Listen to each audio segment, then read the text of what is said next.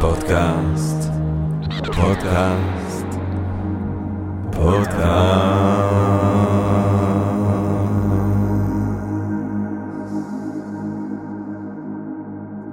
טוב, גבירותיי ורבותיי, ברוכות וברוכים הבאים לפודקאסט של Think and Read Different, פודקאסט למי שאוהב לחשוב ולשתות, אני ג'רמי פוגל, ואנחנו רוצים להתחיל עם רגע של הודיה, לעצם היש, לעצם המציאות הזאת שמאפשרת לנו למרות הכל ובהינתן כל אלה להיפגש כאן למען הרחבת הדעת, העמקת הידע, גירוי, אולי סיפוק הסקרנות, אולי רעיון נשגב, מעורר השחרה, ככה סתם פתאום באמצע היום, סתם ככה, ובעברית כולנו ביחד, כיף גדול.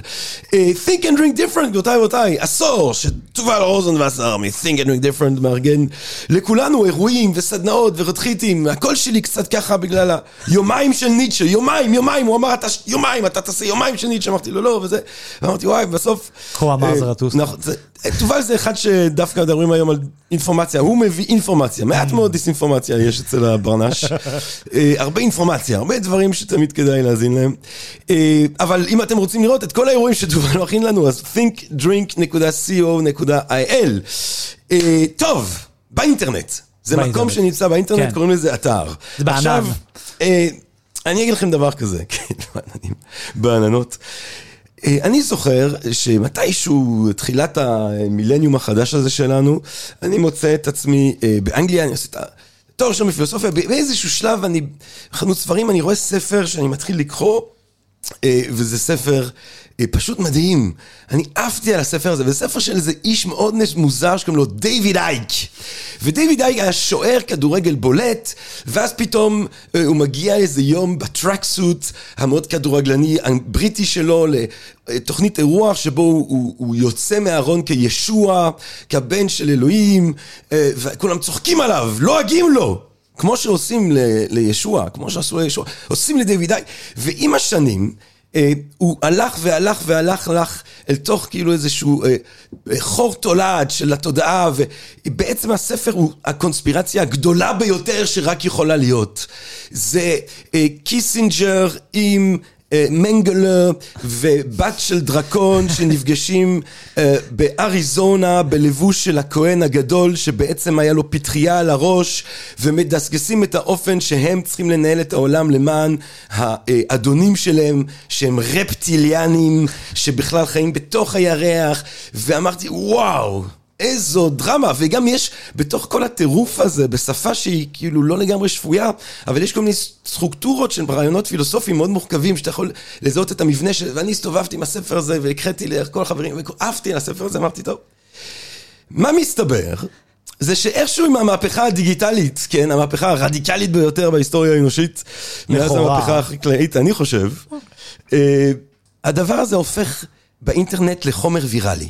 והרעיונות של דיוויד אייק, והרעיונות על הרפטיליאנים, והרעיונות המדהימים והזויים לחלוטין של דיוויד, דיוויד, אם אתה שומע, אוהבים אותך, we love your work, הופכים להיות נחלת הכלל באופן אה, חסר כל תקדים, משהו שקצת מזכיר את איך שדיסאינפורמציה עברה בימי ביניים על סיפורים על דמונים ומכשפות, ו- ו- והדבר הזה, הטכנולוגיה הכי מתקדמת, איכשהו לא מצליחה להסיר, ואולי אפילו מעודדת, אה, אמונות שווא. מגוחכות, אה, בולטות, ועל זה אנחנו בעצם רוצים לדבר היום, גבירותיי ורבותיי. אה, אני חושב, שוב, אה, אנחנו באירוע היסטורי חסר כל תקדים, ואני חושב שמעניין דווקא כדי לנסות להבין את האירוע הזה שכל כך כל כך סוחב אותנו, לחשוב שנייה על סוקרטס. הסיבה לזה שאפלטון וסוקרטס, או אחד מהסיבות לזה שאפלטון וסוקרטס, היה להם כל כך חשוב לחשוב על האמת, מהי האמת. מהו אשלייתי, מהו אמיתי, מה ההבדל בין אמונה, סברה וידיעה. כל השאלות האלה הן נובעות בין השאר כי הם חיו בסביבה פוליטית, הסביבה של הדמוקרטיה הישירה האתונאית, שבה ההבדל בין שקר לאמת הוא מאוד חשוב בגלל שאנשים צריכים לדעת מה קורה כדי להחליט באופן רציונלי, באופן שבאמת ייטיב עם הכלל, ואם אנחנו מסתובבים בעולם של שקר אז נהיה מאוד קשה להמשיך לנהל סוג משטר של כזה, זה הופך להיות מאוד מסוכן מאוד מהר, משטר שמן הסתם הם בכלל לא היו בעדו, אבל ניחא, זה המצב הנתון שבו הם מצאו את עצמם. ועל כן השאלה הזאת של אמת ושקר הופכת להיות שאלה חשובה במיוחד, והיא חשובה אה, לא פחות, אולי אפילו עוד יותר, אה, מאשר בתקופתם, בתקופתנו. בגלל שאנחנו נמצאים בעצם תחת התקפה חסרת כל תקדים אה. על התודעה שלנו, אה, אנחנו נמצאים תחת הניסוי הגדול ביותר בהיסטוריה האנושית, אה, באופן שבו אפשר לכוון התנהגות אנושית, אמת. לפי תוכנה ולפי צורות של בינה מלאכותית שהופכות להיות לאט לאט אולי יותר מהירות, חדות ובמונחים מסוימים, מצטיינות קוגניטיביות יותר מאיתנו, או לפחות מבחינה פונקציונלית, מבחינת זה שהם יוכלו להפעיל אותנו באופן שהוא מתוחכם יותר, שכל בן אדם... היה יכול להפעיל אותנו, בטח בסקאלה של מאות מיליונים. בקיצור, היום לדעת את ההבדל בין אמת ושקר אה, זה חשוב מאי פעם. זה בעיניי צריך להיות גם לב ליבו של החינוך היום. אה, בית ספר כמקום שבו אתה מקבל מידע, אה, איבד את משמעותו, אתה צריך לדעת להבדיל בין מידע אמין למידע לא אמין. כדי לדבר על כל הנושאים הכל כך חשובים האלה, וואי, אני היום הגזמתי. אני שמח, מתגאה ומתחגש. לארח כאן, על הפרק שלנו, אינפורמציה ודיסאינפורמציה בעולם הדיגיטלי, את עומר בן יעקב, גבירותיי ורבותיי, עומר בן יעקב. שלום שלום. עומר בן יעקב, זה לא היה פתיח- פתיח יכולנו... מדהים, אני רק אגיד. כן. ופגעת בהכל, כי מבחינתי אפשר לחזור רק לדבר על שתי דברים האלה וסגרנו את כל... לא, אני, אני, זה יצא משליטה, אני, אתה יודע, אמרתי לך, אבל אה, אה, דיוויד אייק, כשדיוויד אייק עולה, אז חייבים, אני, יש לי הרבה לא, כבוד אבל דבי לדיוויד. זו דוגמה יפה לאיך לדיסאינפורמיישן יש היסטוריה ומורשת ארוכה, ואני מת על זה שדווקא ראיתי את זה בספר, דווקא זה לא סיפור על אה. האינטרנט, כן? לדיסאינפורמיישן כן, דווקא יש לה כן. היסטוריה ארוכה, אה, גם בפרינט. דרך אגב, כמו שגם אמרתי ימי הביניים, כן? שממציאים את הדפוס, אבל בוא נגיד שאם... חבל על הזמן. אם העולם היה ממשיך כמו אז... היה סוגה שלמה כזאת. לחלוטין, נכון, אבל אני אומר, אם העולם היה ממשיך כמו אז, אז אני, תוהה אם דיוויד אייק היה מגיע לכל בית. לא, לא, בזה אתה צודק, בזה אתה צודק. אבל זאת שאלה, זאת שאלה, כי כל מיני, לא, לא, דברים. הזויים כן הגיעו לכל בית, כן. כן. עומר בן יעקב, אתה, לא, לא, מה אתה? עדיין, אתה עדיין לא קיים, אתה עדיין אה, קוונטום באי ודאות, אני עדיין, עד שלא הצגתי אותך, אתה עדיין לא במצב מוגדר, אתה לא במצב מוגדר, מה שקרה עכשיו זה, זה, על טבעי, זה שהופעת עוד לפני שאתה בכלל מתקיים בממשות של הפודקאסט, אה, אה, עומר בן יעקב, האורח הכי מדויק והכי נשגב שיכולנו לקוות לו כדי לדבר על הדבר הזה, לעומר. אה, יש תואר ראשון אה, בפילוסופיה ומדע באוניברסיטה אה, בבאר שבע, תואר שני שהוא ככה בתהליך סיומו במכון כהן לחקר ההיסטוריה של המדע והרעיונות באוניברסיטת תל אביב, הוא עמית מחקר בקרי, de recherche אינטרדיסציפלינר. הפארי. הפארי, הפארי, הפארי, וואי. וואי איך, פארי, אם את שומעת אותנו, אוהבים אותך, ששם הוא בעצם חוקר את ויקיפדיה וההיסטוריה של המדע, כאשר הוא באופן כללי חוקר את המשמעות של ויקיפדיה כתופעה היסטורית, כתופעה סוציולוגית, כתופעה אה, פוליטית. אה, את המחקרים המרתקים האלה בקרי, אה, חשוב לומר, אה, מובילה דוקטור רונה אבירם, אה, דוקטור רונה אבירם שהיא חוקרת בטכניון. עומר בן יעקב אה, שותף למחקרים שלה, אה, כאמור על ויקיפדיה, מחקר מרתק שנשמע עליו הרבה. הוא אה, כתב הסייבר וה disinformation של עיתון הארץ. אמת. הוא מנחה פודקאסט. זאת דעתי על כל פנים, פודקאסט זוגי אה, אה, על פוליטיקה ותרבות, שהוא אה, מציב אותו כשמאל וולגרי. dirtbag left. dirtbag left, שזה, אני אוהב את זה. כן, כן. אני אוהב את זה. אנטי ווק left. שמאל לא. לא זהותני. אני שמאל הזוי, אני אישית שמאל הזוי, אבל זה שמאל, אנחנו, אבל אנחנו... זה קרוב. כאילו שמאל, כן, אז אתה הולך שמאלה, ואתה אומר, איפה זה? עוד שמאלה. כן, אתה אומר, כן, עוד. אה, איפה אנחנו? לא, עוד, עוד. What's left רץ, of the left. אתה רץ, אתה ביער, אתה עובר את הנהר, אתה ישן לילות, יש גשם. עוד שנייה אתה כבר ימין. יתושים, אתה, אתה, אתה אומר, איפה זה, איפה זה? אה, זה עוד שמאלה. אז יש כפרים, ואתה נשאר בהם, אתה מתחתן, אתה ואתה אומר, אבל איפה זה? זה עוד שמאלה. אה, אה, אה. הוא פרסם בפברואר, וזה מרתק.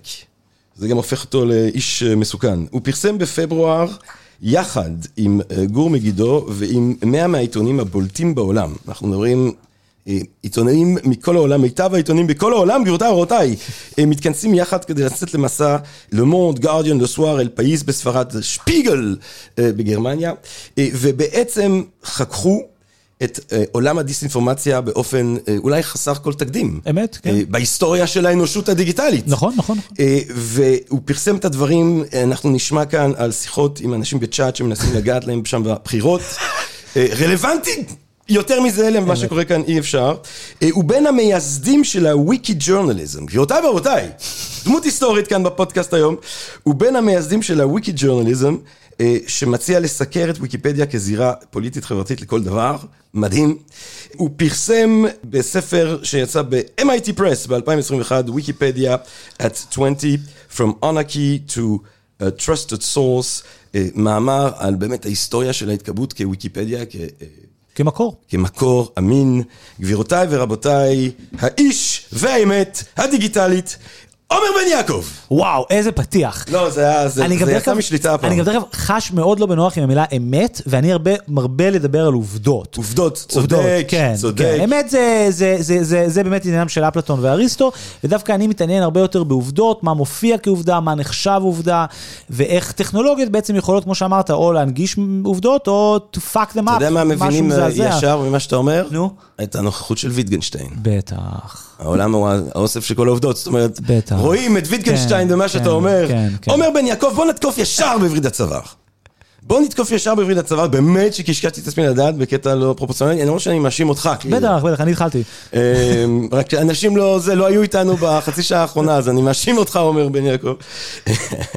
אמ, לא, אבל כשאנחנו חושבים על אה, עובדות, שקר, אינפורמציה, דיסאינפורמציה, איפ- מאיפה, מאיפה אתה חושב שכדאי להתחיל את הסיפור הכל כך כביר הזה שאנחנו אה, בליבו עכשיו? זו שאלה מדהימה. אני חושב שאחד מהדברים שהכי אה, מושכים אותי לכתיבה על טכנולוגיה ולעסוק בשאלות האלה, זה שבעיניי הן שאלות מאוד מאוד ישנות. ומשהו ב, ב, בשיח וב vibe ההייטקי גורם לכל הדברים האלה, כמו disinformation, להופיע כאיזה בעיה חדשה. כאילו מין אף אחד בחיים לא שיקר עד שהיה פייסבוק. כאילו אף בן אדם לא השתמש בכוח בשביל לעוות את המציאות עד שהיה טוויטר. עכשיו, זה לא נכון. וזו תופעה שנובעת מה, מהאתיקה, בעיניי מאוד בעייתית, או התפיסה המוסרית, או התפיסה הפוליטית של חדשנות, ש, שהיא אינהרנטית בתוך עולם הטכנולוגיה, ש, שמוכרת לנו את האשליה שה- שזה הכל נורא נורא חדש. ומה שמושך אותי בטכנולוגיה זה דווקא להבין כמה זה ישן. כמה לדוגמה שממציאים את האימייל, פשוט מוסיפים את האות E לפני מייל, כן? ופשוט משחזרים, ויקיפדיה לדוגמה, היא לניסיון לשחזר מבנה אנציקלופדי בעזרת כלים דיגיטליים, אבל הוא מנסה לעשות משהו נורא שמרני בקור שלו. וכשאנחנו באים לשאול שאלות על אמת ושקר ועובדות באינטרנט, אני חושב ששווה לנו לבוא בעיניי מפרספקטיבה של נאורות וסקייל של 100-200 שנה. זאת אומרת, להבין מה קורה לעובדות פעם ראשונה שהן עוברות לעיתון, שהן עוברות לדפוס ולספרים, ואז מה קורה כשהן עוברות דיגיטציה. כי ה- ה- הסיפור של העולם הדיגיטלי הוא סיפור ש... אי אפשר לנתק אותו מהעולם של הנאורות, זאת אומרת, העולם הדיגיטלי נבנה כפנטזיה כבר בכתב עת הראשון, כן? כש- כש- כשעושים את ה-Royal Transactions, איך זה נקרא? Royal Transa- uh, Transactions of the Royal Society, כן? ויוצרים את הכתב עת הראשון, אז, אז בעצם מנסים לעגן טקסט באיזה רגע וזמן בחלל ולהגיד, ניוטון אמר את זה פה, ועכשיו כולנו יכולים לתת פוטנוט ולרפרר לרגע הזה, והעובדות פתאום יכולות להצטבר, ואז פתאום אנחנו עוברים תוך 100-150 שנה לשיח של information retrieval, זאת אומרת, השאלה היא איך מארגנים את העובדות, איך מוצאים את העובדות, אם יש כל כך הרבה עובדות, ואז ככה בסוף מלחמת העולם השנייה, שבעצם מלחמה שבמובן מסוים נגמרת בגלל מדע ודעת וידע, כן? זאת אומרת, גם האניגמה וטורינג מצד אחד, וגם הפצצת אטום, כמו שעכשיו כולם בפנט... בפלאפ על אופנהיימר, זאת אומרת, בעצם המדע מנצח את המלחמה והידע, ואז ראש המו"פ של הצבא האמריקאי, ואנבר בוש, כותב טקסט מדהים באטלנטיק שנקרא As We Think, טקסט פילוסופי, שהוא בעצם בא ואומר, כאילו, אנחנו יודעים את הכל. זאת אומרת, אנחנו יודעים הכל, השאלה היא רק איך מארגנים ידע, ואני מדמיין מערכת שיש בה חלונות, ואתה ניגש אליה דרך ה top של ה desk שלך. אני קורא לזה חלונות לדסקטופ, ואתה כאילו מין, fuck, מה אמרת אחי? כאילו, השנה היא 1945. כאילו, והוא מדמיין מערכת דסקטופ עם תיקיות, שאתה עובר דרכה ומארגן את המידע שלך. וזה זה לפני שיש מחשב, אין, אין, אין דבר דיגיטלי בעולם אז. המחשבים שלו הם עוד כמעט מכניים. הקומפיוטר בשלב הזה זה חדר של נשים שעושות חישובים שלימים אנחנו נקרא להם אלגוריתמים, כן? אבל מחשב הוא אז דבר טכני, מחשב הוא כמעט מחשבון, והוא חושב על, על, במונחים האלה, ואז בשנות ה-70 וה-80, שהאנשים שההוזים וההוגים של האינטרנט, הם, הם מה שדוחף אותם הוא פנטזיות שהן לגמרי של נאורות, כן? ממש ממש של פנ... קלאסי, של להנגיש את כל המידע בעולם, של לבנות את, ה, את, ה, את, ה, את הספריית כל הספריות, אה, ואני חושב ש... זה סתם, אולי דוגמה יפה וקטנה לזה, זה כאילו הסיפור של טד נלסון, אני, טוב, אנחנו קצת סוטים, אבל טד נלסון, מי שממציא מה זה סוטים? אנחנו בברי אוקיי, הצבא. מי שממציא את ה hypertext וממציא את ה copy paste, כן? הוא בעצם בא לפתור את הבעיה של הערת שוליים. הוא כאילו, כל ה vibe שלו זה לבוא ולהגיד, איזה דבר מטומטם זה הערת שוליים? כאילו, אומרים לך, תקשיב, תסתכל בסוף העמוד למטה, שם יהיה כתובת. אם באמת תלך לכתובת הזאת, אם תסמוך עליי, באמת תמצא בעמוד הספציפי הזה את הטענה הזאת. למה זה לא יהיה קליק? ואז הוא אומר, שנייה, למה שזה לא יהיה built-in טכנולוגי? אני אעתיק מהטקסט, מהספר שלך, לתוך הספר שלי, ובגלל שאנחנו שנינו דיגיטליים, יהיה hyperlink ביניהם, ואז לא יהיה אפשר להעתיק, כי ה hyperlink יהיה, יהיה strong, ואז הוא, כאילו, דמיין ש copy paste הם אותו פעולה. לא שתי פעולות נפרדות, ויש לו פיץ' מדהים על זה שהרסו את האינטרנט בזה שניתקו את הקופי מהפייסט. הרעיון היה ש... אבל ש- איך הקופי פייסט יכול להיות אותה פעולה? יפה, אתה בכלל לא יכול לדמיין אינטרנט אחר, אבל תחשוב שאנחנו עוד לא המציאו את האינטרנט. אתה עכשיו ממציא. אז ת- תחשוב שנגיד, אתה בתוך מערכת סגורה, נגיד במובן מסוים אתה יכול לדמיין מערכת סגורה, נגיד בתוך ה-Windows, כל קופי שאתה עושה ופייסט מייצר לינק Windows. בין שתי, התפס... שתי הדברים. זה יכול לעבוד במערכת סגורה, זה היום מסובך, אבל הוא ברעיון מעניין. שלו זה אותו פעולה. כן, טוב, ויקיפדיה. יפה. אה, אה, hypertext. בדיוק, כן. אבל- בדיוק. All this to say שהאינטרנט נוצר סביב פנטזיות של נאורות. תקשיב, אתה מרגש sorry. אותי. זה, זה, זה לא, זה לא, זה מרהיב אותי וזה מרגש אותי מה יפה. שאתה אומר. ואני אני אגיד לך ככה, כי א', אני חושב שמשהו שאני רוצה לשאול אותך, זה באמת השאלה הזאת של המשכיות אל מול אה, shift פרדיגמטי. אני תמיד באמת, יש לי את ה speech הזה, מאז המהפכה החקלאית, כי אני חושב שזה בסופו של דבר יגמד את התעשייתית, זה יגמד אתה אפילו. באמת חושב ככה? הכתב, ואני באמת זה חושב ככה. הורג אותי, אני לא מאמין אני חושב. שאם אנחנו חושבים על משבר, על קרייסיס, כעניין ביוונית להבדיל, רגע שמבדיל תקופה מסוימת מתקופה אחרת, אה, אני חושב שזה השבר הגדול ביותר בהיסטוריה האנושית, כי הוא מסמל את ההתחלה של רגע שבו בסופו של דבר הייצור האנושי הולך להשתנות, אה, כמו שהוא לא השתנה. אה, אתה ב- מדבר על המהפכה הדיגיטלית? המהפכה הדיגיטלית ומהפכת המידע שהיא מידע. חלק ממנה. אז אתה מדבר על משהו שהוא התחיל מבחינתך ב-70's, 80's. זאת אומרת, בוא נגיד ככה, ההבדל אה, באמצעי הייצור ובסביבה הטכנולוגית של בן אדם במאה ה-19 ובן אדם כמוני שנולדנו ב-1980 ומשהו, כן. לבין מה שקורה היום, הוא הבדל הרבה יותר גדול, הוא הבדל של מאות שנים או של אלפי שנים. אני לא מסכים. ב... זה, זה בדיוק העניין. אני לא מסכים. זה מה שהולך להיות מעניין כאן. ההבדל בין בן אדם שנולד ב-1800, נגיד ש- 87, אני נולדתי ב-1997, אז נגיד מי שנולד 100 שנה לפניי, אם הוא זכה לשרוד את השואה, הוא ראה בעצם את המהפכות הכי טכנולוגיות, הכי גדולות אי- שאי פעם היו- ואני חושב שאי פעם יהיו. זאת אומרת, המעבר של רשת טלפוניה ורשת חשמל ורכבת, זאת אומרת, בעצם היכולת להעביר כל אנרגיה ואת עצמך בלי קשר לפיזיות של המרחב, זה דבר שלא היה. כאילו, זה, זה, זה, זאת אומרת, היכולת שלך לתקשר עם בן אדם שנמצא יותר רחוק מה, מה, מהגלי קול שלך, ושתיים, היכולת לחיות על grid חשמלי ושיהיה לך אנרגיה, ושכל הדבר הזה בכלל לא יהיה דבר שאתה צריך לה- להביא פיזית האנרגיות של עצמך, והרכבת כדבר שמקטין את העולם ויוצר את מה ש... מי זה הסופר של... מי זה, הקלות הבלתי נסבלת של החיים, הוא כותב- מילן קונדרה. כותב את זה שזה ממציא את ההמתנה. תקשיב, אתה מביא את פרויד, סיגמונד פרויד, אתה לוקח אותו, ואתה שם אותו באנטוורפן של 1987, אה, הוא מסתדר יופי טופי. לא, שנייה, אבל. שנייה, שנייה, שנייה, הוא מסתדר יופי טופי. אה, אין, אין, אין גם, אין לו שינוי תודעתי שהוא צריך לעבור כדי להמשיך לעשות את אתה החיים רוצה שאני שלו. אגיד שיש הבדל תודעתי בין בן אדם. שגדל עם אימייל לבין בן אדם שגדל עם סנאפצ'אט? אתה חושב שיש הבדל באמת מהותי בין אימייל אני לבין חושב פייסבוק? שבצורה אינקרמנטלית, השינוי של הקצב של המידע... אינקרמנטלי. הופ- אז זה of the אבל. הגענו, הגענו לשלב שזה כבר שינוי מהותי בעיניי. זאת אומרת, אתה מביא את סיגמונד פרויד אה, היום, הזמן התאמה שיהיה לו לכל הטירוף שאנחנו נמצאים בו, עד הרגע שהוא מצליח, מתחיל לשים כזה אה, סטטוסים מוזרים בפייסבוק וזה, זה, השינוי שהוא יעבור מבחינה תודעתית, השינוי באישיות שלו, השינוי באיך שהוא יפעל בעולם, הוא יהיה הרבה יותר רדיקלי משהיית מחזיר אותו ל-1760 או ל-1987. מדהים. אני, כל ה vibe שלי זה הפוך, אני חושב שהדפוס היא המהפכה הגדולה, אני חושב שמאז זה more of the same. המהפכה של החשמל והתקשורת האלקטרונית הייתה מהפכה ענקית, באמת הדואר שמרשת את, את, את העולם, זאת אומרת, את הרכבות, כאילו הרכבות גם בפרט באמריקה, אבל רכבות, חשמל, טלפוניה בעיניי זה המהפכות הגדולות, ומאז התחלה של המהפכה הדיגיטלית זה more of the same בעיניי. זאת אומרת, יש דברים, יש משמעות ל scale של זה, זו שאלה נורא מעניינת, כאילו מין, אני חושב שיש משמעות לזה שנגיד לכולם יש אינטרנט מסחרי בבית מ-1995. אין ספק ש-1995 במובן הזה היא שנה סופר משמעותית, כן?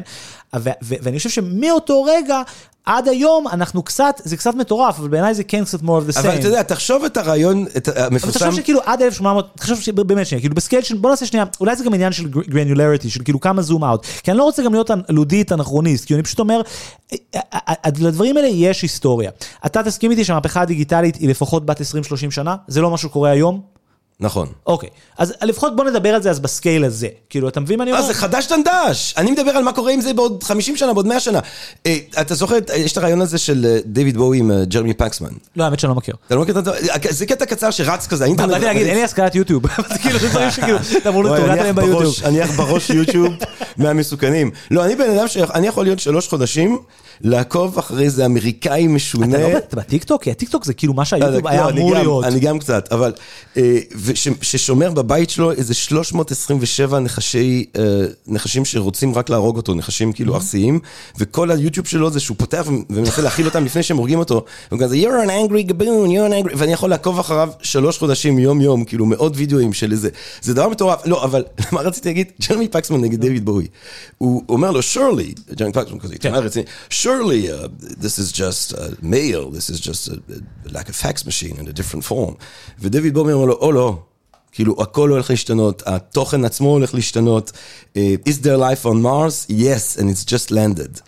וכשאתה רואה את זה בדיעבד, ואתה אומר מי צודק, אז זה שמדבר על ההמשכיות, על זה שאימייל זה בסך הכל כמו הפקס, או דיוויד בואי uh, שבא ואומר, יש פה שינוי פרדיגמטי, הדברים התבשלו. אני לא אומר שזה בא יש מאין, זה לא בא יש לא, לא, לא, מאין, זה לא. בא יש מאין. יש לי, יש לי פרספקטיבה אחרת להציע על זה, כי, כי מה שאני מרגיש שהוא כן השינוי, אני מאוד מסכים איתך שיש crisis, ואני מאוד מסכים איתך שיש משבר. המשבר בעיניי הוא מה שגם ערן פישר כותב על זה מאוד יפה בספר שלו, שיצא שנה שעברה על ביקורת האלגוריתמית. הבעיה היא שבעצם ה unit המרכזי של ההיסטוריה הפך מהס- מהסובייקט הקרטזיאני או הסובייקט המערבי, שאמור להיות אוטונומי, אמור להיות, יכול לקבל החלטות מושכלות, אמור להיות לשפוט, אמור לו טעמים, אה, הוא באמת, הוא כנראה גם מאוד גזען ולא מתייחס יפה לאשתו, אבל כאילו עבדנו על זה, כן, אבל אותו סובייקט הזה, הוא בעצם הפסיק להיות ה unit המרכזי של היסטוריה. כי אנחנו כבר לא מתעסקים יותר עם סובייקטים ו-knowledge, ידע זה מה שהוא בשביל בני אדם, אלא אנחנו חיים בעולם של information. והמושא של information הוא באמת לא האדם המערבי, ובאמת כשאתה רואה איך האלגוריתמים מסתכלים עלינו, אתה מקבל תמונה נורא מעוותת. כי מה שהם רואים אותנו, ופה הפרספקטיבה המרקסיסטית משמעותית, כי הם רואים אותך כמידע פרסומי. והמידע הפרסומי מפלח אותך ושובר אותך ליוניטים יותר קטנים, ובמובן הזה אתה, ידידי, 20% גבר, 20% תל אביבי, יש לך פתאום זהות משוסעת, כי ככה האלגו הפרסומי רואה אותך ואתה, you're checking כל מיני נקודות. אתה יודע מה- וזה יושב בול ל identity politics, ו- ומראה בדיוק את כל הקשר המאוד רחב הזה בין איך האלגו רואה אותנו מסחרית, לבין הפוליטיקה הדומיננטית של היום. זה מה שרציתי להגיד, כי אז זה כן נהיה משמעותי, כי באמת יש בעיה היום עם זה שכולנו... האינטרנט היה אמור לעשות אותנו גאונים, וויקיפדיה הנגיש לנו את כל המדע בעולם, ואיכשהו כולנו פשוט bumbling idiots online, וכאילו יש איזה מתאם הפוך. זאת אומרת, ככל שהאינטרנט, אה, ככל שיש גישה יותר לאינטרנט, אנשים נהיים יותר מפגרים, וכשאתה חוזר להיסטוריה, אתה רואה שקרה בדיוק אותו דבר עם הדפוס. זאת אומרת, יש את הדפוס, ממציאים את הדפוס, ו-200 שנה אחר כך יש מהפכה מדעית. יש שם באמצע 200 שנה של לא, בית זונות. אבל יש גם את הפרוטוקולים של זקני ציון שיוצאים בדפוס, או, דברים, אתה יודע, וכל טכנולוגיה היא. דו-שימושית, נכון, אני אומר, ה crisis אה, הוא לגבי ה unit. We're not talking about knowledge anymore, אנחנו לא מדברים על, על, על ידע, אנחנו מדברים על מידע. ומידע באמת לא עוסק בבני אדם, הוא לא בשביל בני אדם, הוא לא נעשה על ידי בני אדם, הוא לא בשביל בני אדם, מאוד קשה להגיד אם מידע הוא אמיתי או לא. הוא, אתה מבין, הוא יכול להיות מדויק אולי, אבל לא יודע אם הוא אמיתי. אבל אתה יודע למה, הפרס... אמרת מקודם שהפרספקטיבה המרקסיסטית אה, משמעותית, כן. אתה יודע למה? למה? כי מרקס צדק! תמיד. אה, זה נכון. אני רוצה לדבר שנייה על נאורות. בבקשה. אה, כי זה ריגש אותי מאוד במה שאמרת, כי פתאום אמרתי וואלה, אם אנחנו באמת זורמים עם ההמשכיות, וגם, אתה יודע, אנחנו בטח נחזור לדיון הזה של האם זה פרדיגמטי חדש, האם זה המשכיות, כן. ובטח זה גם וגם, והגל וכולי. אבל אה, אם אנחנו חושבים על ההמשכיות, ועל זה כאל איזושהי המשכיות, וכאיזו אולי, או, אתה יודע, מקס צודק, אה, אתה יודע, יש את מקס הפסימי יותר ואת האופטימי יותר, ונגיד, ה- התפיסה פסימית צודקת, ואנחנו הולכים לקראת אה, שליטה חסכת תקדים של מיעוט בעל אמצעים חסכי תקדים ביעילותם אה, לשלוט על בני אדם, ואנחנו עוברים לעולם דו-מעמדי אה, קשוח, עם פער קשוח ש... אולי הוא גם יהיה סוג של חסר תקדים בחריפותו, או שבאמת הנאורות, השיתוף של כל הידע, החלוקה של כל הידע, פרויקט חינוכי. כי זה דבר שאני חושב שמאוד חשוב שנייה לעצור בו. מאוד. אה, מאוד חשוב לעצור ולומר, במיוחד בתקופה הזאת, אה, בהיסטוריה של אה, ארץ ישראל, אה, שבמאה ה-18 קבוצה מאוד קטנה של אנשים, רפובליקת המכתבים, הם כותבים אחד לשני כן. וכולי, ויש להם גם קהל, אבל הם כולם מכירים אחד את השני, ה-Enlightenment, אנגליה, סקוטלנד, דיוויד יוּם, אדם סמית, בצרפת, המנוע אולי הרעיוני, ללימייר, וולטר, רוסו, דידרו. דידרו, אהוב ליבי, אה, של האנציקלופדיה. קאנט, מנדלסון בגרמניה, השכלה, אופלרו, והם בעצם מחליטים, אנחנו כדי להוציא את התרבות המערבית כולה מהמערה של השקר, של הכניעה למוסדות דת דכאניים, שוביניסטים, הומופובים, מיזנטרופים בסופו של דבר, ניהיליסטים הייתי אומר. דוגמטיים, סגורים. לא סקפטיים. אה, אנחנו דתיים. הולכים בעצם להפיץ ידע. אנחנו הולכים לעשות את הפרויקט אולי שהוא הדגל של הנאורות, האנציקלופדיה, לזאנציקלופדיסט. אנחנו הולכים לאסוף את כל הידע, ואפילו ניתן לרוסו לכתוב, למרות שהוא קצת משוגע וזה, אבל אנחנו נאסוף את כל החכמים ונאסוף יחד. רוסו יכתוב את הערך על חינוך, וולטר על הצגות, זה מדהים. כן. לא, זו חבורה טובה. ונביא את המדפיס שלנו שיכתוב את הערך על דיו. זה ואיך ענק. אומר וולטר, אקחזי לאינפאם, לדוח את התועבה. אה, בנוגע לכנסייה. אם 12 אנשים בתקופה ארכאית, הוא אומר, התחילו את הדבר הזה, אז 12 חכמים יכולים היום לסיים את זה. אה, נקודה למחשבה, רק אומר, בהינתן התהליכי הטליבניזציה אצלנו. הנקודה היא שיש את החלום הזה של הנאורות, אה, והאנציקלופדיה, ההנגשה של הידע, אבל כמו שאמרת גם האופן שאתה מסדר אותו, האופן שבו אתה מספר את הסיפור, הם רואים, הם, יש להם בצורה מאוד מודעת אה, מחשבה פדגוגית. גם. המערה והיציאה ממערה אצל אפלטון זה פילוסופיה של החינוך, והיציאה אל האור, אה, שזה ביסוד השם, נאורות ללומייר, אה, גם הוא, הוא יציאה מהמערה, אצל אפלטון זה מיעוט שיכול לצאת מהמערה, בנאורות זה צריך להיות כולם. ויקיפדיה. באיזושהי צורה, אתה בעצם אומר, ויקיפדיה זה השיא של המאמץ הזה אה, להנגיש לאנושות כולה מקור של ידע אמין. מאה אחוז. מה זה ויקיפדיה? אוקיי, אז ויקיפדיה, א' כל, כמו שאתה יודע להגיד כסטודנט של ההיסטוריה, שהאנציקלופדיה של דידרו ולדלמבר, היא הדבר, היא ה centerpiece של הנאורות. אז ויקיפדיה היא ה centerpiece של מה שניתן לחשוב עליו כנאורות דיגיטלית. כי התנועה לנאורות דיגיטלית, שהיא תנועה שהיא בעצם מי שמקימה את האינטרנט, כן? זאת אומרת, זה בעצם גם חשוב להבין את הממד הפוליטי, מדובר באנשים ליברטריאנים, כן? וויקיפדיה היא הניסיון לקחת את הרעיון ואת הספירט האנציקלופדי, את ה-Republic of Letters, ולהמיר אותו במה שאני קורא לו The Universe of Emails, ולהמיר אותו לעולם שבו כולם יכולים לש- ל- ל- ל- להשתתף בתהליך יצירת הידע. הידע עצמו הוא לא מוגבל, הבעיה הכי גדולה שהיה לדידרו ולכל מי שעשה אנציקלופדיה, והיא זה שלוקח ים בזמן לעשות את זה, ואז עד שאתה מסיים הערך הראשון שלך כבר לא מעודכן ו- ואתה צריך לעדכן, נפתרת דרך המדיה הדיגיטלית.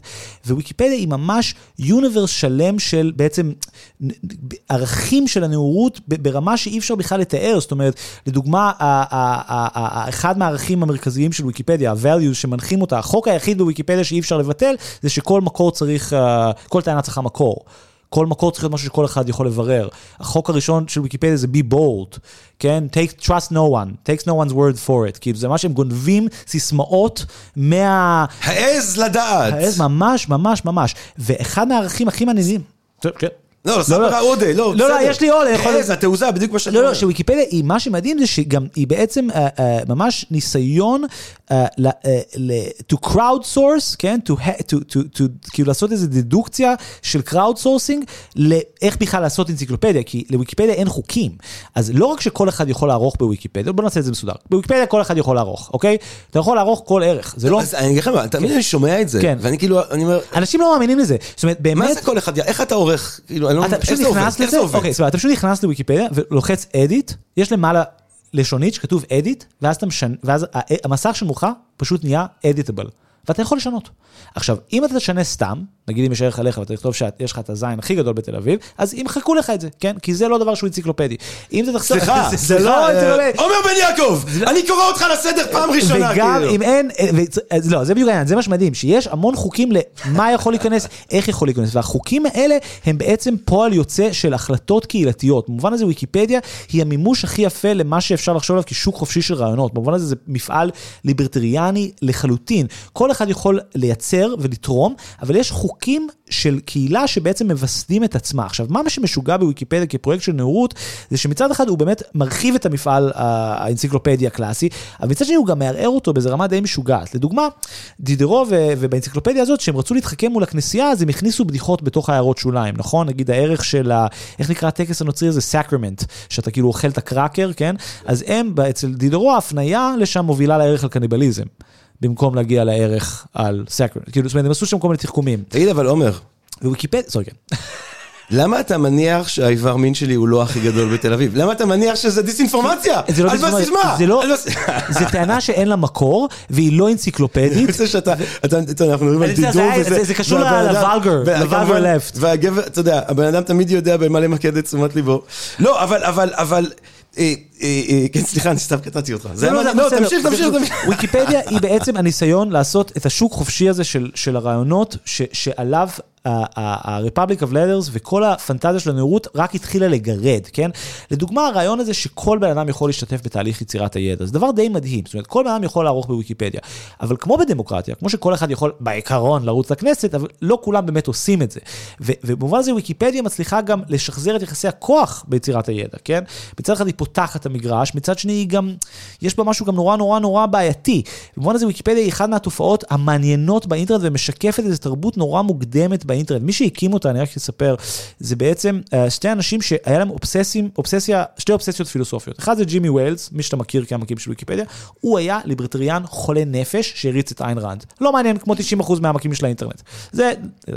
השני היה בן אדם שהיה באובסס על, על היום, התזה שלו היה על uh, תומאס ריד, הפילוסוף מהנאורות הסקוטית, common sense, הוא היה באובסס על uh, פילוסופיה נאורות של ה-common sense, רצה ש... מעניין מאוד. כן, הוא רצה לעשות... משה מנדלסון, אחד מהדוגמאות הבולטים של הגמיינזין, כן? של ה-common sense? ש- common sense, בג- בגרמניה, בפילוסופיה יהודית מודרנית, כמובן, בתוך הסביבה הזאת שהריצה את ה-common sense, כבר ברקלי, כן? מדברים על ה-common sense, על החשיבות של ה... אה, זה בעצם, זה סוג של גם משהו שמשקף דמוקרטיזציה של הידע, זה הנחת יסוד שמה שרוב האנשים יאמינו יפה, בו, אה, בדיוק. הוא באמת יהיה בסיכויים יותר גבוהים שהם נכונים. עכשיו- העניין עם ה-common sense, זה מי נחשב ל-common, בדיוק. עכשיו אם בדיוק... זה גברים, זה- נשים, אם זה מערבים, ומה ש- בדיוק, זה אנשים ב- מאמריקה ומסין, והרבה פעמים מה שאנשים מתארים כ-common sense, הוא במבט היסטורי אה, כבר לא common sense. לגמרי, ומה שמדהים בוויקיפדיה זה בדיוק הספיריט של ה-common sense philosophy של הנאורות, שבאה ואומרת, בוא נשאף ל-good enough, ובוא נשאף למשהו שכאילו מקיים איזה פנטזיה שאומרת, כולנו יודעים. זה common sense בעצם. עכשיו, זה נכון שמה שאתה אומר זה תמיד משהו שגם מדיר, אבל מה שמדהים בוויקיפדיה זה שהיא הצליחה בעצם להגדיר באופן פרגמטי וטכני מהו common sense. אבל מה הטכני? זאת אומרת, אם אני אני עושה. editing, ואני עושה שם אה, בוא- בוא- בוא- סתם משהו, אתה סתם עושה שוט, אז מי מחליט אם זה נכנס או לא נכנס? אף אחד לא מחליט. מי יש- העורך? יש פנופטיקון שבו יש ימבה מתנדבים, והם רואים את העריכות שנעשות. לדוגמה, ערכתי פעם את הערך של ג'רמי פוגל, עכשיו כל מה שמישהו עורך את הערך הזה, כל מה שמישהו אחר עורך אותו, אני מקבל אימייל, או notification, כן? אז אני יכול לבוא ולראות מה אתה עשית. Um, ואם אתה עשית, הוספת שטות, או אתה מנסה לקדם את עצמך, אני פשוט אעשה undo. undo זה הדבר הכי נפוץ שקורה. אבל בוא ניקח תרחיש לגמרי אחר, כן? ואז זה הולך לפי רוב? פשוט רוב פשוט? לפי מה זה עובר? זה פשוט, בגדול, אם יש לך כוח לעשות את זה, אם אתה תתנגד ויש לך יוזרניים בתוך ויקיפדיה, אתה יכול לקחת את מי שעשה undo ל- לעריכה שלך, ולקחת אותו לבית משפט בתוך ויקיפדיה. אבל בוא ניקח שנייה צעד אחורה. ומי השופט? אנשים אחרים מתוך הקהילה שנבחרו לתפקיד. זה מנגנון קהילתי שלם, ש... ש... וזה צריך, שנייה, אבל רק שאני אבין, רק שאני, לא, סורי לא, שאני זה- אני לא, רק. רוצה להבין, אתה אתה צריך שכו- שאף אחד לא יעשה undo אחד, לא, לא, לא, אתה, you're not thinking about it right, אני יכול אוקיי. להסביר את זה אחרת. אתה צריך לעמוד במבחן אחד, והוא, האם יש מקור שמישהו אחר יכול לבדוק. כל טענה, כל פעולה שאתה עושה בוויקיפדיה, צריכה, אתה צריך להביא מקור, כמו באוניברסיטה. כן. אם אתה לא מביא מקור, אתה נמחק. עכשיו, אתה לא יודע את זה, כי אתה עכשיו אתה נכנסת פעם ראשונה, עשית אדיט וכתבת משהו מצחיק על עצמך. כן. עכשיו, זה נמחק באלף סיבות, אבל תמיד יגידו לך, לא הבאת מקור. אם הבאת מקור, אתה כבר נחשף, אתה זוכה להיחשף לעולם האינסופי של הבירוקרטיות של ויקיפדיה, שאני אומר לך, זה על זה התזה שלי בעצם. זאת אומרת, עם מסמכים אפיסטמולוגיים, אחד-אחד. לדוגמה, יש מסמך מדהים בוויקיפדיה, policy page, שנקרא Fact Not Truth. הם, הם מגדירים שעניינה של ויקיפדיה איננה עם עובדות, איננה עם אמת, היא עם עובדות. כן. והשאלה מהי עובדה היא שאלה, דרך אגב, הרבה יותר פשוטה, מורכבת מאוד, כל סוציולוג של המדע והידע יגיד לך, אבל היא הרבה פחות קשה משאלת האמת. ואתה יודע מה, מה, מה התשובה למהי עובדה? מה שכולנו מסכימים שהיא עובדה. מה הסכמנו שהוא עובדה? מה שמתפרסם בכתבי עת אקדמיים, או בעיתון, או בספר. טוב, בעיתון סימן שאלה הייתי אומר, לאנשים כן יש אני רוח מסביר ביקורתית. לך מה ויקיפדיה משקפת את הקונסנזוס כן. לגבי מה נחשב עובדה. זה ההגדרה של אפשר עובדה. להפנות לעיתון, אפשר להפ... כן. אפשר, בדיוק. יש מקור שהוא עכשיו- בעל דרגה מסוימת של סמכות. יפה, יפה. מה שוויקיפדיה לא, רק- לא רק שהיא אמרה, יש מקור שהוא בעל סטטוס מסוים של סמכות, היא גם נתנה, נתנה בהם שמות, כמו שאומרים, נתנה בהם היררכיה. כתב עת שעבר peer review נחשב יותר מעיתון הארץ, אבל עיתון הארץ נחשב יותר מוואלה. כי אנחנו, בעיתון הארץ, וזה אמיתי, אנחנו paper of record, ויש לנו מחלקת, אה, כאילו אנחנו עיתון באמת רציני, בשונה מאתר כמו וואלה. ואחרי וואלה, וואלה עדיף. על בלוג אנונימי. בעצם ויקיפדיה יצרה היררכיה של מקורות שזה כמו מלחמה. אתה אומר אין climate change, אני אומר יש climate change. אבל אני רוצה לקחת אותך עוד צעד קודם לרגע. כשאתה אמרת, אני, אם אתה תוסיף משהו מצחיק לוויקיפדיה שלך, אה, אז יגידו לך, לא, זה בלי מקור. כן. מי יגיד לי? יש ווב באינטרנט אנשים שרוצים לכתוב ערכים ולערוך ערכים. והם כולם מתנדבים? אני, כן, מאה אחוז. אני יכול להסביר לך את הסוציולוגיה של זה, אני חושב שזה קשור לכ- לכוח וידע, זה קשור גם ל, ל, לסוציולוגיה של אינטרנט באופן כללי. שרלי טרקל מפרסמת בספרה The Second Self, שמבוסס על ההאקרים. ב-MIT, מחקר סו- סוציולוגי פסיכולוגי מדהים על האקרים ב-90's, והיא מתארת שם איך הם מאמצים לעצמם תפיסה של hardware software על, על עצמם, הם מרגישים מאוד מכוערים אבל נורא חכמים, והם רוצים שיתייחסו אליהם לפי היוזרניים שלהם ולפי הפעילות שלהם באינטרנט. ויקיפדיה היא גם זירה של pure rational action, אפשר לשפוט אותך לא לפי איך שאתה נראה, לא לפי איך שאתה מתנהג, רק לפי האיכות של אבל אני הטענות שלך. עדיין מנסה להבין את המנגנון שקובע... אתה שואל אותי שאלה מאוד מעניינת, מי הבן אדם שיושב וכותב עשרת אלפים מילה על, על, על, על, על ציפור היודפת? ואז, ואז יש מישהו אחר שקורא את זה, ואומר, לא, undo. זה, איך זה עובד? הנה, יש קהילה של כמה? זה כמה עשרות אנשים אז, אז שמקבלים את כל, אחד, מה, העדכון? אוקיי, אחד מהפרדוקסים המעניינים שיש בוויקיפדיה, שכל שפה מתפקדת בשפה אחרת. אני קורא לזה אוטונומיות של ידע. זאת אומרת, אין קשר בין ויקיפדיה בעברית לבין ויקיפדיה באנגלית. אולי חלק מהערכים בעברית תורגמו על ידי מתנדב שאוהב לתרגם. יש מתרגמים, יש עורכים מתרגמים, ויש עורכים שאוהבים לכתוב מאפס. יש דיון מעניין לגבי רוב, לדוגמה, רוב הערכים במחשבת ישראל בעברית נכתבו בעברית. הרבה מהערכים מדעיים תורגמו, סתם ככה. באנגלית יש קהילה... ענקית, בינלאומית, כן? אז באנגלית זה באמת מספרים מטורפים, ובגלל זה רוב המחקר שלי בעצם עוסק בוויקיפדיה באנגלית. עזוב, אנחנו חקרנו איך יש תת קהילות של מדענים שמעדכנים את הפייפרים של עצמם, ולכן זה המחקר שלי, אם תעבור על כל הגרסאות של כל ה... של ערך מסוים, אתה תקבל את כל ההיסטוריה של המדע, של ה-20 שנה האחרונות, של תחום מסוים. כן. אם תחום מסוים עבר. מהפכה. כן, עשינו שלוש מחקרים כאלה. הוכחנו שזה נכון לגבי שעונים ביולוגיים, תחום ש-circadian clocks, קיבל את הנובל ב-2017, תחום שהתהפך ב-20 שנה האחרונות, כל המהפכה המדעית הקוניאנית שלו מתועדת פריים ביי פריים בוויקיפדיה. עשינו את זה עכשיו לגבי קריספר. טוב, זה מטורף, זה יפה. מטורף. עכשיו, אבל- אתה אבל שואל אותי מי עושה את זה, מי עושה את זה? עורכים. הוועדת אין השופטים. קומיטי, איך- אחי. אבל כמה אנשים זה? תן לי מספר, תן זה. פאקינג אינסלס. תן סתם, לא. באמת. זה מתנדבים, זה תן אנשים. לי מספר. אני? משנה משהו, אני רוצה לשנות משהו. בעברית יש רשמית על כמה אלפי עורכים, במציאות הייתי לא, אני מדבר לפי ערך. אני הולך לשנות משהו בערך ויקיפדיה של אריק שרון. כן. כמה אנשים מקבלים על זה בערך? הייתי בדרך שבערך 50 עד 150 איש מקבלים על זה איזשהו סוג של התראה. יש גם אנשים, אז אספר לך דוגמה. וכמה מתוכם באחוזים או מספרית, האם מספיק אחד, האם צריך יותר מחצי, האם צריך רוב? כמה אנשים מתוך אותם 50-150 אנשים שמקבלים update צריכים להגיד, אני לא מסכים כדי שהדבר לא זה יפורסם. זה בנוי על קונסנזוס. זאת זה אומרת, חייב להיות קונסנזוס, כן. הנה, זה מה כן, שרציתי. כן. אבל זה קונצנזוס דרך אגב, מעניין. יכול להיות גם ניטרלי, לדוגמה, זאת אומרת, אם אתה מכניס שינוי, אז בן אדם יכול גם לא לעשות לך undo, ואז אין שום הליך. אם אתה, אם הוא עושה לך undo, ואתה, יש לך ביקורת על זה, אם הביקורת שלך לא מבוססת אתה על מגיע כלום, לבית משפט. אז זה זה לא בית משפט, זה תהליכים, הכל תהליכים ומי קונצנזואליים. מי בבתי משפט? מי הרשות השופטת. שם? האנשים הכי כבדים, שמוכנים לקחת על עצמם את ה... תשמע, זה... שגם הם מתנדבים. עזוב, אתה חושב על זה, אתה, הם לא מבינים שהם חזקים. זה, זה מה שאני אומר, הם חושבים שהם בוועדה, זה כמו ועד עובדים. זה הדבר הכי בירוקרטי על פני כדור הארץ. זה מה שמדהים בוויקיפדיה. הם הצליחו לייצר פרוצדורות אינסופ, אינסופיות של fact checking, שלא עוסקים ב-veracity. זה בלתי נתפס. הם עוסקים רק באם בחרת, הצגת נכון את המקור. הם יימנעו מכל דבר מלעשות fact checking למקור שלך. רק רוצים לוודא שאתה playing nice with the other kids, וה-playing nice with the other kids בדרך כלל אומר לדבר יפה, זה הכל ערכים של נאורות. make rational arguments, speak in a neutral tone, ותביא מקור. אם אתה נגיד מציג מקור לא נכון, מעיפים אותך מוויקיפדיה, כי הצגת מקור לא נכון, לא כי המקור שלך חרא, אתה יכול את היטלר אחי, רק תביא מקור. ובמובן הזה הם עושים משהו, ופה פה המאנישות שלי, שפייסבוק וטוויטר וכל האינטרנט לא השכיל לעשות, שזה לתת היררכיה בין מקורות. בפייסבוק, אחי, כל הלינקים נראים אותו דבר. לכן יש ים ב fake news. בוויקיפדיה לא כל הלינקים נראים אותו דבר. הם יצאו hierarchy of sources. מסתבר שזה מבטל 90% מה fake news. אני כל ה-early career שלי בארץ, כל מה שאני רוצה לעשות זה לחפש disinformation בוויקיפדיה. מצאתי כמה סיפורים, ביניהם מבצע השפעה פולני מטורף. שבו המציאו מחנה השמדה מזויף, אבל זה עבד בגלל ש... כן, כן, הם בדו מחנה השמדה, סיפור פסיכי. אבל שם לפחות היה עולם שלם של ימנים שהאמינו אני בקונספירציה, אז היה צאצא מלא... של שורדת של לא, אז המחנה המדומיין. אה, המחנה היה חצי אמיתי, אבל הוא לא היה מחנה השמדה. הם המציאו שהיה מחנה השמדה פולני, אה, מחנה השמדה רק לפולנים, תאי גזים רק לפולנים, שזה היה שטויות. וזה היה מבוסס, אבל לפחות היה מקורות. אוי, זה כל כך פולני להמציא שהיה מחנה השמדה כן. בפולין, שבו משמידים רק את הפולנים.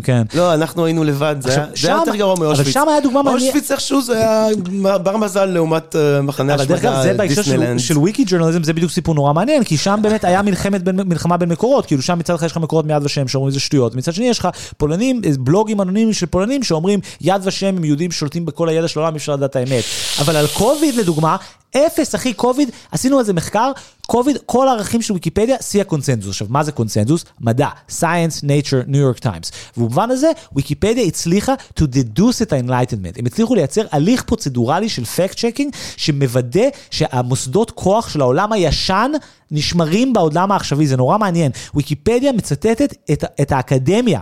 אבל simultaneously היא חתרה תחת האקדמיה. אנחנו חייבים להגיד משהו, כי מרבים תמיד לדבר באמת על המשברים של האקדמיה ועל האופן שזה מוסד שלא מצליח להתאים את עצמו, ואני תמיד חושב שצריך להסתכל קדימה, קדימה, קדימה, קדימה, אה, ואני, אה, אתה יודע, חושד עם רעיונות אה, שמרניים לרוב, אבל עצם המחשבה השמרנית, שיש דברים מסוימים שאם הם עובדים באופן מסוים, אתה צריך לגעת בהם בצורה מאוד מאוד זהירה, נגיד הממלכה, המלוכה באנגליה, אנגליה הצליחה לשמר את עצמה מ... אה, עכשיו ברקזיט זה אולי מתחיל להפוך למשהו אחר, אבל אנגליה מצליחה לשמר את עצמה מפשיזם, אה, מכל מיני קיצוניות שתקפו את אירופה במאה ה-20, אז אתה אומר, אוקיי, לפני שאני משנה פה את הדבר, זה מחזיק איזה אלף שנה, אולי אנחנו נהיה זהירים. באקדמיה יש לה... מוסד ימי ביניימי, יש בעיות אה, של שמרנות שמאפיינים מאוד. מוסדות עתיקים, אבל מצד שני, ה-double blind peer review, ההתעקשות, שיכולה להיות יפשושית ויכולה להיות משעממת, שיכולה להיות מדהימה. הכל, על הניסיון, זה מדהים. אה, לבטא משהו שהוא אה, בעל הסבירות הגבוהה ביותר, שאני רק יכול להגיע אליו בתנאים הקיימים, שהוא אה, משקף מציאות, או שהוא חלק קוהרנטי של עולם הידע עובדה. שלנו. הוא עובדה. הוא לא מת, הוא עובדה. הוא- וגם על זה אני רוצה להגיד על זה משהו. אה, העובדתיות של מה שאני מביא צריכה בעצם לעבור שני חוקרים שהם לא אמורים לדעת מי אני, דאבל בליינד פיר ריוויו, הם שניהם מו- מומחים בתחום, ואם זה עובר את המבחן הזה, זה מתפרסם. זה לא אומר שאין... שגיאות או דברים ברור. שמתבררים אחרי כמה שנים כלא מדויקים, יש גם שם תהליך של תיקון, אבל דרגת האמינות של כל המאמץ הזה, העובדתיות. היא אה, יפה. עכשיו, דרגת זה, העובדתיות אני רוצה להגיד. למה אני מסכים עם הדבר הזה של אה, אמת מול עובדה, ולמה בכל זאת אני רוצה לשאול אותך, מהי האמת? כן. שזה לא במקרה בא ביחד עם איפה הכסף, כאילו מי האנשים שכן מרוויחים בוויקיפדיה, אז אני חושב שזה חשוב, אבל... אה, ניטשה, נכון? המוות של אלוהים זה לא רק המוות של איזשהו משהו שאנחנו, אה, יש לנו קשר רגשי אליו, זה גם המוות של אובייקטיביות, כי כדי שתהיה אובייקטיביות צריך שיהיה מבט מבחוץ, צריך. שיהיה מישהו אחד שנמצא מבחוץ ומסתכל על הכל מבחוץ. מה שריצ'רד רוטי אומר, איפה אתה שם את הסולם כשאתה מסתכל על הטבע? את המראה, סורי. בדיוק. אתה שם את המראה כשאתה מסתכל על בדיוק, הטבע. כן. בדיוק. אלוהים היה המראה, כן. כן? אה, שני ילדים הולכים מכות, אני לא אשאל אחד מהילדים מה קרה, אני אשאל מישהו שהוא מחוץ לסיטואציה. בחיים כולנו ילדים שהולכים מכות, אלוהים היה בחוץ, הוא מת. עכשיו, אין אמת עם א' גדולה, יש עובדות. אין אה, מה שאולי מכנים היום הרבה נרטיב אחד שהוא אובייקטיבי, יש כל מיני נקודות מבט ופרספקטיבות, אה, אבל עדיין יש עובדות, כן? אה, זה לא סותר את הרעיון שיכולות להיות עובדות. לא יורד היום גשם, קוראים לי ג'רמי וכולי. והמחשבה מאחורי שאני שומע ממך שוב ושוב, זה אומרים, דווקא המהלך הגאוני כאן והמבריק, וזה שאולי מסביר את ה... בסופו של דבר גם את התחושה הרגשית של אמינות שיש לזה בקרב אה, בני אדם, זה שוויקיפדיה מתמקדת בעובדות, ולא מנסה לשים אותם כחלק מאיזשהו נרטיב, שאז שם אה, עולים ה... אה, אה, אי-ודאויות והפרופגנדה והאג'נדות. ואני רוצה באמת לאתגר את זה רגע ולהגיד, האם יש בכלל אפשרות, לכאורה כן, אמורות להיות עדיין עובדות, אבל האם יש בכלל אפשרות לספר אותן, להציף אותן, בלי אג'נדה, גם אם האג'נדה היא מבורכת ונאורה, זאת אומרת, אנשים בנאורות, כמו שאמרת מקודם, הם כן. ידעו שהאופן שבו הם מספרים, למשל, האופן שבו הם יתארו את ספרי הקודש, שזה מהדברים החשובים ביותר לקרוא עליהם באנציקלופדיות, איך הם מתייחסים לספרי הקודש, שבמידה רבה הם רצו את הסמכות שלהם אה, לערער כדי ליצור עולם חדש. אה, איך הם כותבים עליהם, מאוד מאוד משקף בכל זאת איזשהו אמת, איזשהו נרטיב. יפה, אז אני אגיד לך מה אני... ויקיפדיה לא כותבת, צריכה להחליט אם היא כותבת על התנ"ך כספר קודש שהגיע אה, מסיני, או אם היא נותנת מקום לכתיבה ביקורתית. זו החלטה שמעצבת גם את יש דוגמה נורא מצחיקה לזה שהמון שנים היה כתוב מעמד אה, כאילו הר סיני, או המקום שבו אלוהים, אה, משה קיבל את הלוחות הברית, ואז כאילו לפני זה כמה שנים מישהו הוסיף לפי התנ"ך. אתה מבין? שאני אומר, כאילו זה היה לא מיוחס, כמו שאמרו בעיתונות. אבל זה הבדל ענק. זה הבדל ענק, ואני חושב שאני רוצה להציע פרספקטיבה דיונית טיפה גדולה מזה על ויקיפדיה. בוא נשאל את השאלה האם ויקיפדיה היא שמרנית או רדיקלית. כן. אז אני חושב שמבחינת היחס שלה לידע, ויקיפדיה היא נורא נורא נורא שמרנית. היא אומרת, עדיף מקור אקדמי peer review. double blind. נכון שאנחנו היינו מהפכת ידע, נכון שאנחנו מאמינים שלא לא צריך מומחים בשביל ידע, אבל at the end of the day, מעדיף science, מעדיף nature, מעדיף peer review, כן? מצד שני, ביחס שלה לעובדות, לעובדות, מבחינה טכנולוגית, היא נורא רדיקלית. לדוגמה, היא אומרת, אף אחד לא מחזיק את האמת, אף אחד לא מחזיק גם בעובדות, אולי ממוצע של סך כל האנשים בכל העולם, אם הם מתווכים דרך טכנולוגיה, יכולים לעשות אפרוקסימציה לעובדות אולי. דבר שני שהיא אומרת, זה גם נורא מעניין, היא אומרת לכל אחד והעובדות שלו. זאת אומרת, היא בעצם אומרת, מותר שבאנגלית ובעברית יש שני דברים סותרים. בערך בירושלים, בעברית, ערבית ואנגלית. ברור לך שכתוב דברים סותרים לחלוטין. בעברית כתוב שזה הבירה של ישראל, בערבית כתוב שזה הבירה של פלסטין תחת כיבוש של, של ציונים, ובאנגלית אני צוחק. אבל זה האימים של מה שאתה מכנה אמת. בדיוק, בדיוק. עכשיו, אבל, אבל זה ויטקינשטיין, אז זה האמת. האמת הוא שאתה חי בעולם פוסט-מודרני, ולכן, כמו שדידאורו שיקף, האנציקלופדיה שיקפה את העולם של הנאורות, ויקיפדיה משקפת עולם של fragmented knowledge without experts, שהוא simultaneously נגיש ו-simultaneously rife with disinformation. בגלל זה היא הרבה יותר מעניינת. ובכלל, לחשוב על טכנולוגיה במונחים, בוא נצא מהטוב או לא, רע. זה, זה בעייתי. זה לא בעייתי. הוויקיאליטי הזה הוא מדהים, כי ויקיפדיה היא גם, היא... מה זה לא בעייתי האמת? אני אגיד לך מה בעייתי בזה, אוקיי יפה, אז מה בעייתי בזה? מה שבעייתי בזה זה הוקטור או הדחף בוויקיפדיה, מה שאני קורא לו האנטי-הומניסט סייד של ויקיפדיה, שהיא בעצם אומרת, עזבו שנייה, בני אדם זה בעצם הבעיה. אני, אני לא אשכח את זה, כשהתחלתי לעשות עיתונות ויקיפדיה, ראיינתי איזה עורך ויקיפדיה. אמרתי לו, מה הבעיה הכי גדולה?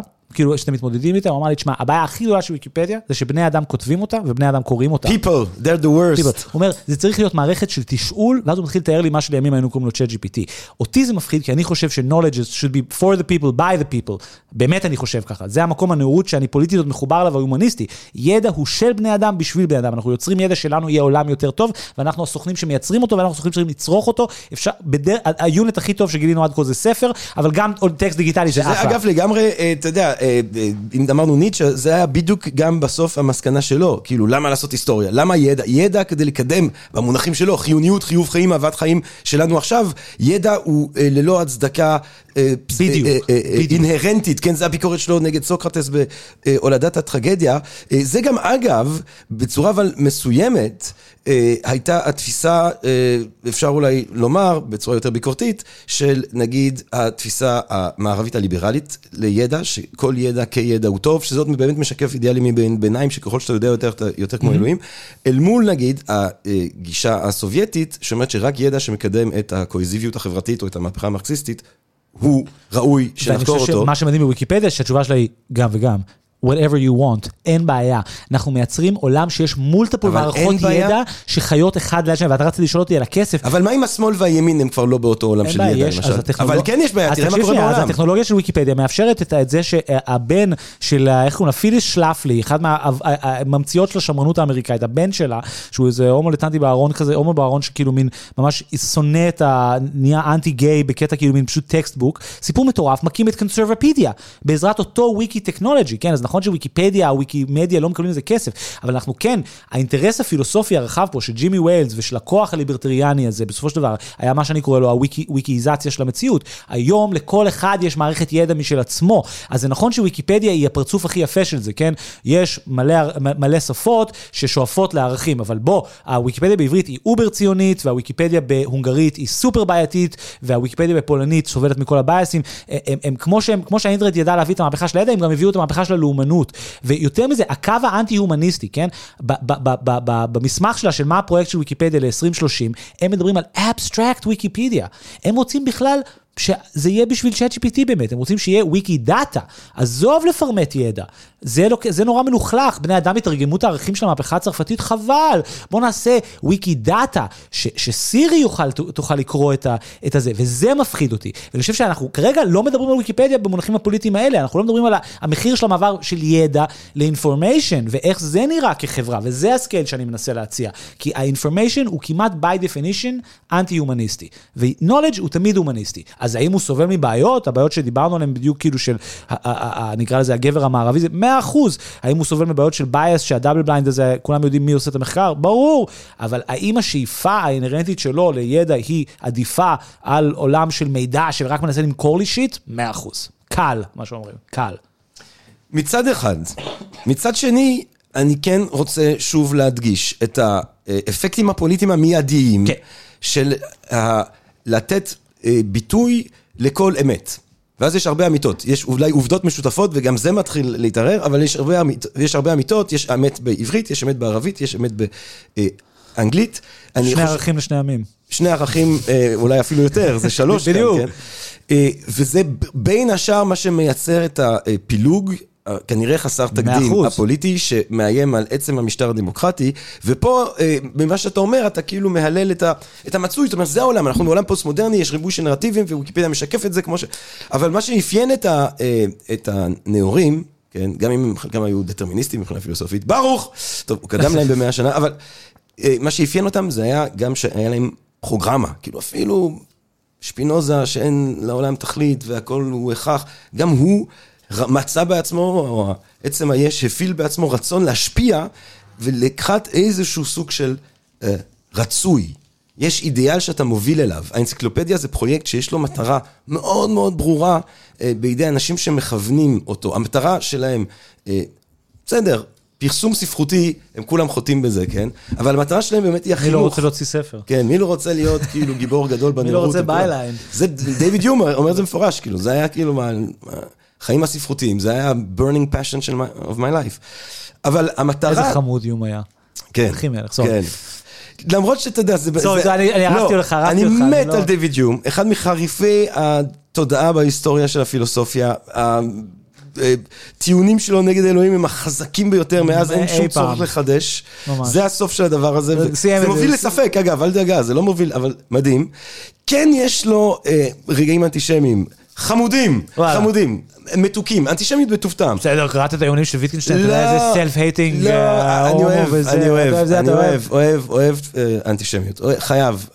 אבל, אבל לא, אבל גם יש את ההערת שוליים המטומטמת ביותר והאכסנית ביותר בהיסטוריה של המורשת פילוסופית של כל פילוסוף גדול. כי הוא הוסיף, הוא התעקש להוסיף לאיזה מאמר בפרסום השני שלו איזושהי הערת שוליים כל כך גזענית. והדבר הזה הוא כל כך כואב, כי אתה אומר, דיוויד יום, כאילו, היית כל כך חריף וכל כך מדויק וכל כך זה, וכל... ואתה מתעכב, ו... ועכשיו זוכרים אותך, אם מדברים על איך מספחים אמת, היום כן. דיוויד יום, מצד אחד זה עדיין אחד מגדולי הגאונים של הפילוסופיה, ומצד שני, ההערת שוליים הזאת שהוא מתעקש להוסיף... עכשיו יקנצלו אותו על זה. ממש, אבל, כן. אבל ובצדק, ובצדק. ובצדק. אמ, למרות שאתה יודע, אני עדיין... זה הביל קוסבי של הערות שוליים. אני לא... אה, אני לא חושב ש... אה, כן, זה ההרווי, הרווי ויינשטיין. זה הרווי ויינשטיין, כן. זה הרווי ויינשטיין. זה הרת שוליים ששילמה לבלק קיוב לנסות לנקות את שמה אחר כך. או, טוב, אנחנו נדבר על זה עוד. אה, תראה, אנחנו הולכים להסתבך בשיחה מאוד ארוכה כאן היום. בוא, בוא, לא, לא. מקסימום אולי באיזשהו שלב נגיד, אה, פרק 2, כן, ואז תובל יחליט אם אנחנו נשאיר את זה פרק 1. אבל אז לאט לאט. זה לא עניין של מצוי, באת להגיד לי שיש איזה פרויקט פוליטי. מה האידיאולוגיה? מה הרצוי? אז האידיאולוגיה באינטרנט, וזו האידיאולוגיה שאני ביקורתי כלפיה, היא הקליפורניה אידיאולוגי הזה, או השילוב הזה של מה שנקרא לו ימין כלכלי ושמאל חברתי, שאנחנו רואים את, אה, את, את, את התפיסה הזאת בכל מקום. ויקיפדיה היא תפיסה, היא גרסה מזוקקת ביותר של הצד הכי יפה שלה. מה זה, ימין כלכלי ושמאל חברתי? אתה לא מכיר את המונח הזה, קליפורניה אידיאולוגי? כן, אבל כן. אני מכיר ותמיד ליברטריאנים שלא אוהבים הומואים. מבין. ליברטריאנים שלא מפריע להם, כן, אני לא חושב שצריך לקרוא לזה שמאל... אה, שמאל תרבותי. כן. שמאל תרבותי, זה הכוונה. זאת אומרת, אני אגיד את זה באנגלית כי זה האופן שבו זה נאמר, צריך להגיד את זה. זה ימין פרוגרסיבי אולי. ימין פרוגרסיבי, בסדר גמור, אבל הוא פרוגרסיבי במובן התרבותי. הוא לא פרוגרסיבי במובן הכלכלי שלנו. נכון. אה, הוא לא, הוא ההפך, זאת אומרת, הוא רגרסיבי מאוד מבחינה כלכלית. לא הבינו את מרקס, לא קראו את מרקס. או שהבינו בדיוק. או, או, או, או לא רוצים להבין. כן, זאת אומרת, עכשיו אני לא רוצה לדבר פה על איין ראנד וזה, אבל כאילו, ג'ימי ויילס, המקים של ויקיפדיה, הוא בעצם פילוסוף של איין ראנד, ואני חושב שהלוגיקה הזאת היא, היא, היא, היא נורא עמוקה, כי היא מציבה את, בעולם מתח מול מה שבאינטרנט נקרא פתוח, מול אמיתי. והיא מנגידה את הפתיחות. אתה יודע מה, האידיאולוגיה הזאת מאוד חזקה, עד שאתה צריך שאימא שלך המבוגרת, ואולי החולה, אה, צריכה לקבל טיפולים, ומקום להזדקן פה בכבוד, ואין לך, ואין לך אפשרות לעשות את זה. אה, אם זה קורה לך, ואני לא מאחל את זה לאף אחד, אבל למי שזה קורה, אז פתאום איין רנד נשמעת הרבה פחות משכנעת. אז אה, לא, בטוח, כמובן, בכלל באמריקה, אם אתה... זאת אומרת, אני חושב שהדוגמאות הכי יפות להבין את ה California ideology, ויסלחו לי כל ה burners, זה דווקא Burning Man, או המקבילה הטכנולוגית שלו, המטאוורס. זאת אומרת, הרעיון הזה של uh, אנחנו נייצר מרחבים חדשים, שבהם uh, כל אחד מופיע כסובייקט רציונלי פשוט, שכאילו מין uh, יכול לפעול כסוכן, ממש כאילו, יש ממש מימוש של פנטזיה של שוויון ו equality ואין כסף ו Burning Man, נכון? כי כולנו שמנו 5,000 דולר להיכנס, ואין במקרה נכים פה שצריכים חינוך ולא צריך זבל לפנות והכל אחלה. אז, אז המטאוורס הוא המשך של זה, ואני חושב ששאלת אותי מה האידיאולוגיה, זה הנקודת קצה של האידיאולוגיה הזאת. זו אידיאולוגיה שהיא היא, היא אנטי-הומניסטית, היא פרו, היא פרו, לא רק קדמה, היא פרו חדשנות בכל מחיר, כן? היא... היא, היא הארכת יש... חיים רדיקלית. אה, כן. היא לא רוצה למות. היא, היא לא רוצה למות, היא בכלל, יש בה איזה משהו מאוד, אני חושב, אה, עיוור. לצרכים אנושיים, יש ממש, ממש, אני מזהה בה איזה אנטי אנושיות ברמה נורא נורא בסיסית, ולכן היא נורא עסוקה בלייצר מרחבים כמו המטאוורס, אמ, אנטי נוזלים, אנטי גוף, כאילו אנטי מטריאליזם במובן ה profound של המילה, ואני חושב שהקשר בין הדברים האלה לכל מיני תהליכים פוליטיים אחרים, לדוגמה, מה נחשב פרוגרסיביות היום, אה, היא שאלה נורא מעניינת, כי כמו שה algo רואה אותנו במונחים של identity politics, אז גם ה discourse השמאלני שלנו של identity politics, במקום להיות דיסקורס שהוא... לא אנטי-טכנולוגי, אבל מאוד פרו-הומניסטי, הייתי אומר. אתה יודע מה מאוד מדאיג אותי, אם דיברנו על זה קצת מקודם, מה שמאוד מדאיג אותי באידיאולוגיה הזאת, זה שאם היא לא שמאל, זאת אומרת, אם אין שם רעיונות סוציאליסטיים, אם אין שם תודעה סוציאלית, אז מה שזה אומר לי...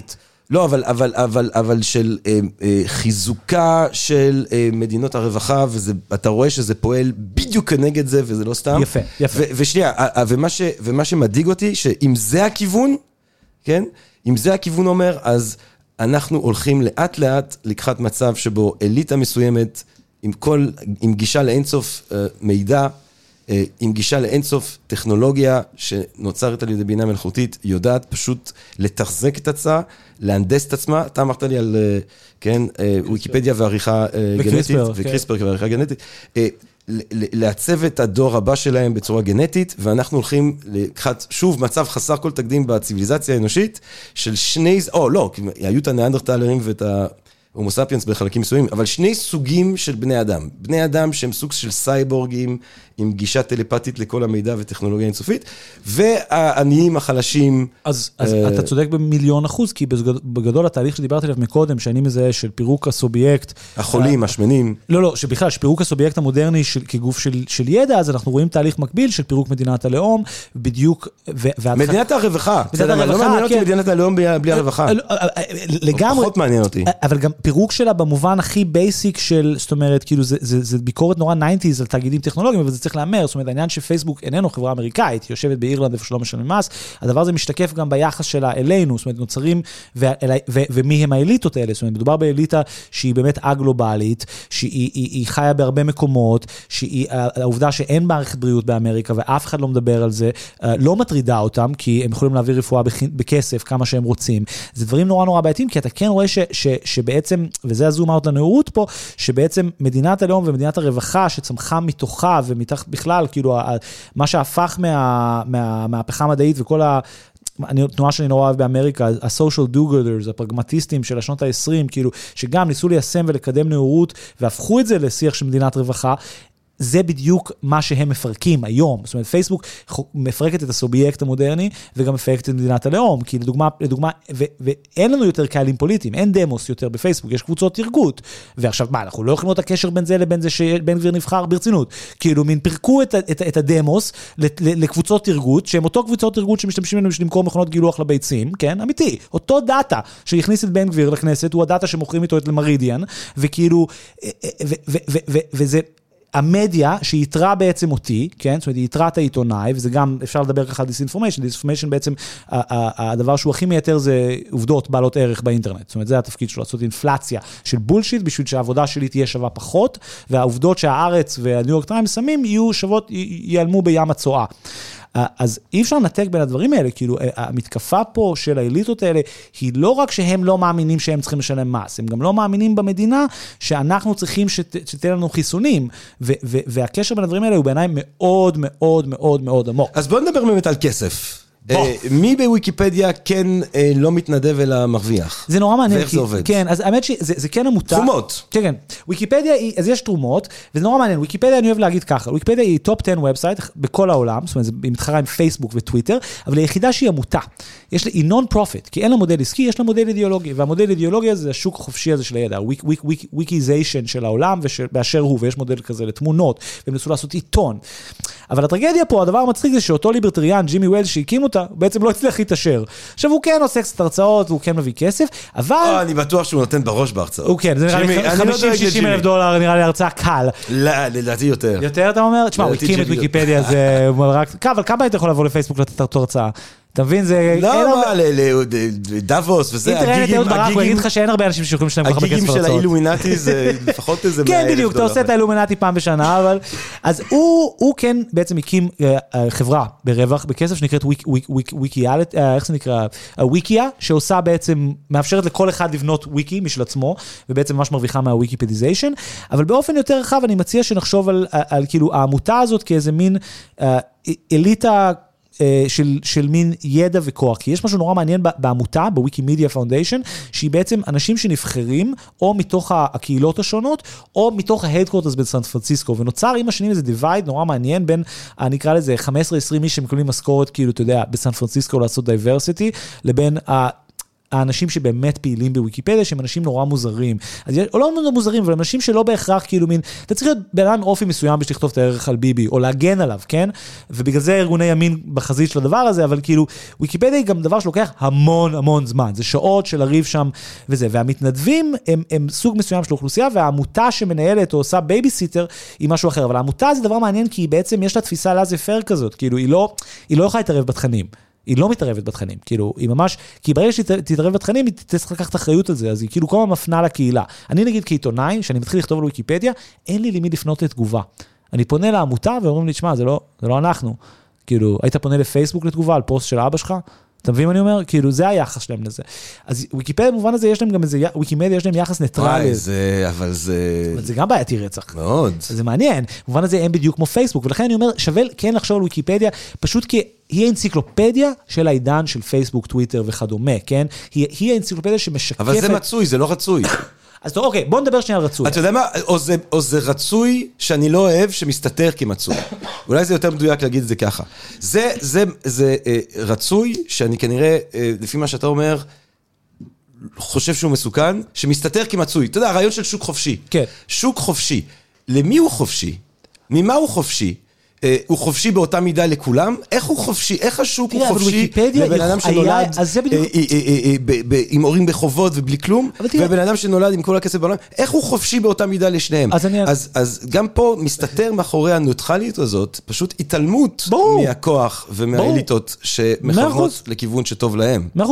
זה בעיה. נכון, זה פשוט הרבה יותר טוב ממה שעושים בפייסבוק. כי בפייסבוק באים עם פיץ' הרבה יותר מפגר, הם באים ואומרים לך, אחי, אנחנו נבנה, תן לנו עשר שנים נבנה AI שיודע להבדיל אמת ושקר, ואז אחרי 15 שנה יוצא אה, תוכנה שלא עושה כלום. ואתה כאילו, לא הבנתי מה, וכאילו טראמפ נבחר וזה הפתרון חלק ממה כאילו- שמרתק, חלק ממה שמרתק כאן, זה שמישהו כמו אה, אה, צוקרברג, יש לו, אתה יודע, ברור, תמיד היה פרופגנדה, וה, והפרופגנדה המאואיסטית המדהימה בסין, הספר האדום, בטח. ו- והיטלר, ולא לא היו חסרים תופעות של פרופגנדה אה, מרהיבה, האומנות הסוציאלית הסובייטית, היפהפייה, אמנם כן, כן, במטרות אפשר בעייתיות, לעבור לשם. כן. אבל צוקרברג, אה, איזה בחור, כאילו, מבריק וזה, אנחנו מכירים את הסיפור, די בצורה כזאת, חצי אקראית, אין ספק שהוא היה בן אדם נכון בזמן הנכון, אה, מייצר פלטפורמה שבסופו של דבר, תוך כמה שנים נותנת לו כוח חסר תקדים בהשפעה שלו על אה, תודעת האדם באיזשהו אופן. אחוז. אה, וזה דבר מאוד רדיקלי. זה דבר זה משוגע. דבר מאוד אני מאוד חושב, אז אני רדיקלי. רוצה, פה אני מסכים איתך. אנחנו לא מצביעים לצוקרברג, זה אנחנו אין לנו שום אה, בקרה עליו, שליטה עליו. הוא- הוא גם היחס שלו ל-. למערכת שיקולים הוא שמכתיבה. אגב, יחסית הוא נראה לי... הוא נראה לי פחד אלוהים. בסדר, אבל... הוא נראה לי המימוש של העורך ויקיפדיה של בן אדם שבאמת, אז זה בדיוק העניין. מי האויב? מבחינתי האידיאליסט. האידיאליסט הרציונליסט, והוא נראה לי בדיוק זה. והוא מדמיין עולם שבו יש ideal language, לא natural language, ואותי זה מפחיד פחד fucking מוות. כי הוא בן אדם של פטישיזציה של, של, אתה יודע, פייסבוק. כאילו, תחשוב כמה זה כאילו, זה מסדיר את האנשים, זה כאילו, זה כמו ספר המתים באנגליה, כאילו, הטאבו הראשון, כן? זה כאילו, יש בזה משהו כל כך דפינטיבי וקשה בניסיון שזה לשלוט על מה שחנה ארנדט קוראת לו, כאילו, המולטיטוד, הפלורליטי של הבני אדם. כאילו, הפייסבוק איחד את כולנו. כולנו כבר לא שמנים או רזים או חכמים או זה, כולנו אותו סוג של עמוד, אותו סוג של פרופיל. יש לנו את אותו חמש verbs שאנחנו יכולים לעשות, post, like, whatever, כן? יש בזה משהו נורא אכזרי וסכמטי וסגור, שאותי נורא נורא מפחיד, ואני חושב שהיכולת שלו לשלוט בתודעה שלנו, הדבר הכי מפחיד בזה, שהוא כאילו כמעט בהכחשה למימד הזה, כאילו הרגע הכי יפה של זה, זה שמביאים אותו לסנאט, ואז הוא, הוא צריך להגיד, we sell ads, sir. אה, אה, שנייה, זה בעצם מה שאתה עושה? כי זה גם מה שעמוס שוקן עושה, כאילו זה גם מה שאני עושה, כאילו, אה, הבנתי, בעצם אין פה innovation. אתה, אתה מוכר מודעות. לא, בוא, בוא שנייה אני אקליר. יצרת מנגנון נורא מתוחכם, אני מבין, המודעות ממש עושות כמה סלטות באוויר לפני שהן נוחתות לי לתוך האף, אבל כאילו, בוא, אתה מוכר מודעות, זה דבר נורא עצוב ומעניין לגבי האינטרנט. אני ראיינתי את, אה, לצערי זה לא התפרסם, טים ברנרס לי, בעצם הבן אדם שממציא את האינטרנט, הוא ממציא את ה-www, והוא אמר לי, בעיניי הטרגדיה הכי גדולה של האינטרנט זה שבעצם אף אחד לא חשב על שום מודל כלכלי חוץ מלמכור מידע. זאת אומרת, או שאתה קורא מידע, או שאתה סוחר במידע. זה המודל היחיד שיש. הוא אומר, ואז הוא אמר, וזה נכון, הוא אומר, זה בעצם אותו מודל שגם... עשו- למה, איזה עוד מודלים היה אפשר אולי לחשוב עליהם? לדוגמה, תחשוב שאתה היית יכול להיות בכלכלה שבו אה, נגיד, אה, כאילו, את- אתה נגיד סוחר, אתה מחזיק, לכל הפחות מודל אחר, אתה מחזיק במידע של עצמך. לדוגמה, אתה חולק ב, ב, ב, ב, ב, ברווחים. לדוגמה, ההשתתפות שלך היא בסיס, כאילו, נגיד אתה ביוטיוב, אתה משתתף, לדוגמה, מלא דברים שיכולים לבצר. זה גם שאלה קשה, כי באמת קשה לדמיין, כמו שלא יכולת לדמיין את פייסט בנפרד, זה המרקסיזם מסביר לנו מאוד יפה, כאילו, קשה לדמיין מציאויות שעובדו אחרת ממה ש, שיש לנו כרגע. אבל הנקודה היא שבסופו של דבר, פייסבוק מוכרים הודעות, המהפכה, הרשת חברתית, גם, גם, אבל הם מוכרים הודעות. בוא, זה גם לא כזאת מהפכה. אתה יודע מי גם מוכרים הודעות? קשת. אתה יודע מי גם? הארץ. אה, אוקיי, אז למה זה innovation? למה זה כזה מהפכני? זה לא בדיוק מהפכני, מה שמהפכני זה ה scale. ופה בדיוק חוזרים ל disinformation, כי תמיד היה disinformation, תמיד היה שקרים, תמיד לנו את התודעה בדרכים כאלה ואחרות. אמריקה לא יודעת ש-FDR... והאינטנסיביות. אנשים לא ידעו ש-FDR בכיסא גלגלים, כל הצלמים כן, של ברור, AP כן. אמרו להם לשבור לכם את הרגליים, תפרסמו תמונה של, של FDR בכיסא גלגלים, והם פשוט לא פרסמו את זה. כן. בישראל היה שקרים שנים, עדיין יש... בצרפת אף אחד, כל האליטה העיתונית ידעה שפרנסואה מיטרן יש לו בת אה, מחוץ לנישואים. אלף, אלף דברים, וגם היו המון שקרים והמון דברים שזה. That being said, מה שקורה היום עם, עם, עם, עם פייסבוק, ובעיקר טוויטר, וגם היום יותר וואטסאפ, כן, היום הדברים האלה עברו כבר למה שנקרא Non-Indexed Web, כי... כאילו זה לא קורה בגלוי, ואף אחד לא בפייסבוק יותר, אחי, בואו בוא נגיד את האמת, אבא שלי בפייסבוק, אבל אנשים לא בפייסבוק באמת, כולם בוואטסאפ או בקבוצות סגורות, כי לא רוצים להיות חשופים יותר. מפתיע, אה, מי הבעלים של וואטסאפ? אה, אוקיי, בעצם פייסבוק הבינו את זה, ועכשיו הם הבעלים גם של התקשורת הפרטית, אחלה.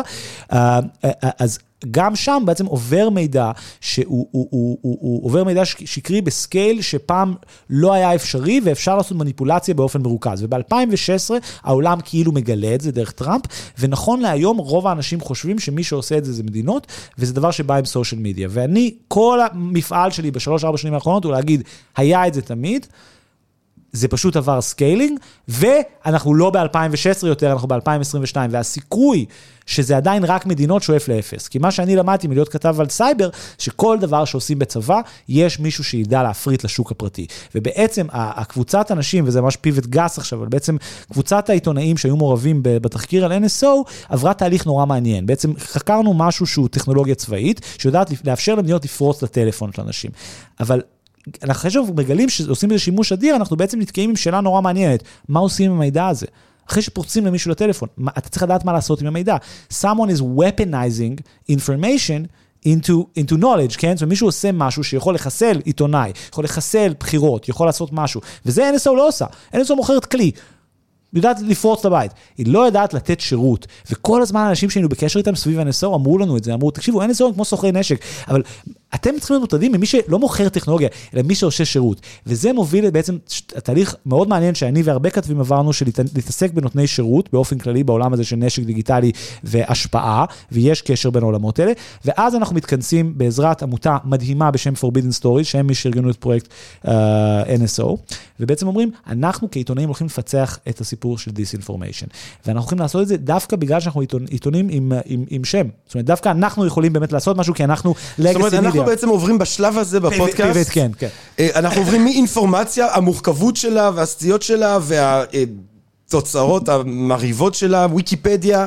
אה, שעוד בסוף אנחנו בשלב הסיכומים אני רוצה לשאול אותך אז אז אז אז אז עד כמה זה באמת אמין בסוף? זאת אומרת, במובן הזה, אה, מתי זה הופך להיות סמכות שאפשר... אני תמיד יש את השאלה הזו שאתה בודק עבודה, האם, אתה יודע, בוויקיפדיה כן, זה עדיין לא כן. לא נחשב, או כן נחשב, למה זה לא נחשב, נגיד, בתוך האקדמיה כמקור שהוא אה, מספק? אה, אבל אנחנו עוברים מאינפורמציה לדיסאינפורמציה. אה, ואנחנו עוברים באמת לסיפור המרתק אה, שאתה בין החוקרים שלו, על מי הם סוכני ההשפעה שבאמת משתמשים, כי פה אני אה, שוב חושב, מה שאתה אמרת בדיוק, זה שבאופן אינקרימנטלי מבחינת scale זה יותר אנשים, ומבחינת כן.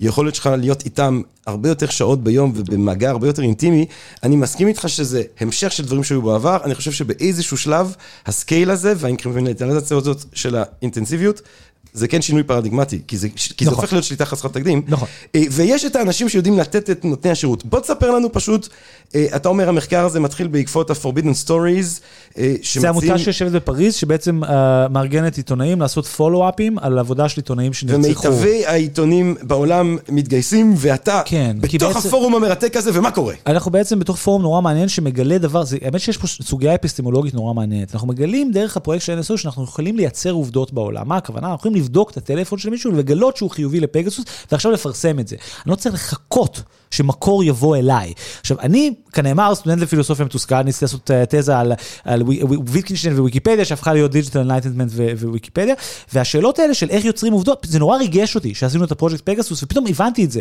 יש איזה מונח כאילו טרנדי שנקרא Enterprise Journalism, אבל לשם הדיון זה לא מעניין.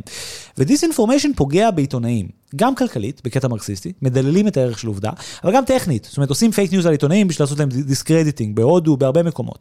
ואנחנו הנחנו ש, שמישהו מציע את זה כאיזשהו סוג של שירות. ו-Forbidden Stories בעצם ארגנו אותנו, ואז גור מגידו, שהוא באמת עיתונאי ישראלי מדהים, ובאמת אחד מהעיתונאים הכי טובים בעולם, זאת אומרת, זה היום ממש דבר שהיה לי זכות לעבוד איתו וללמוד ממנו, והוא פשוט אה, איש חזון מדהים, בא עם הרעיון של בעצם לעשות אותו דבר בתוך, בתחום ה-disinformation. איך עושים את זה ב-disinformation? בעצם העמדנו פנים שאנחנו לקוח. אמרנו, בוא נייצר את המצב שבו אנחנו נבין איך, איך שירות כזה נראה, כי אף אחד לא יבוא אליך ויספר לך דבר כזה. אה, מה אתה עושה? אני משבש בחירות בשביל תשלום. כאילו, זה הביזנס שלי. קיימברידג' אנליטיקס. קיימברידג' אנליטיקה, ואנחנו לימים בעצם מגלים חברה שעבדה עם קיימברידג' אנליטיקה, כן? עכשיו, קיימברידג' אנליטיקה היא חברה שעשתה מניפולציה למידע. זה כל מה שאתה יודע עליהם. מה הם הציגו לאנשים? היה שם משהו שלם מאוד מעניין, התוכן לא היה כל כך ברור. הם עשו טרגוט פוליטי, זה מה שידענו, לפי פרופילים פסיכולוגיים. אבל מה הם נתנו? זו באמת שאלה מעניינת. ואנחנו בעצם משתמשים בידע שיש לנו על שוק הנשק ושוק הסייבר, בעצם להתחיל שמועה. שאנחנו מייצגים את ממשלת צ'אד, ואנחנו רוצים לדחות את הבחירות, שיהיו בספטמבר. זהו, זה ה-pitch, זה הפרויקט. והפצנו שמועה, לא משנה כרגע איך. כמה כסף מציעים? 6 מיליון יורו. אה, כן.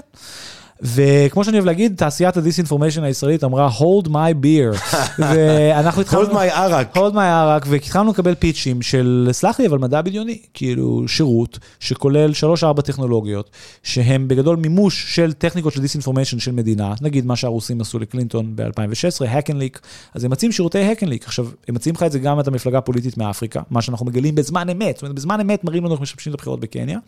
אבל זה גם שירות שהם מוכרים ל-crypto bros, שרוצים לקדם את המטבעות הדיגיטליים שלהם. זה, זה בדיוק העניין, יש פה גם לוגיקה של הפרטה מאוד חזקה, בכל האינטרנט, תמיד. זה, זה להוציא דברים שהם חלק מה, מהסמכויות והאחריות של המדינה, או יכולות של המדינה, לשוק הפרטי ולייצר את זה כביזנס. זה לא משנה אם קוראים לזה לוקהיד מרטין, או בואינג, או טסלה, גם השפעה, אוקיי? במדינת ישראל המאבק שלה ב-BDS המטורף, יצר בעצם את ה-industry הזה, שברגע שהמאבק ב-BDS, הריק מתחלתין הנגמר, אז היו צריכים למצוא עבודה. ואז כשאין בחירות בארץ, צריך להתחיל לעבוד בחו"ל. והאנשים האלה נעים בתפר מאנשי סייבר לאנשי PR וייעוץ פוליטי, כן? חלקם פוסטרס שעושים סקרים. ובאיזשהו דרך לא דרך הצלחנו להיכנס לתוך היוניברס הזה ולהפיץ השמועה הזאת. ולימים אנחנו מגיעים בעצם לחוכה. לשלושה ישראלים או שתי ישראלים שיושבים במודיעין. אנחנו עושים את זה ביחד עם כתב צרפתי מדהים בשם פרדריק מטזו.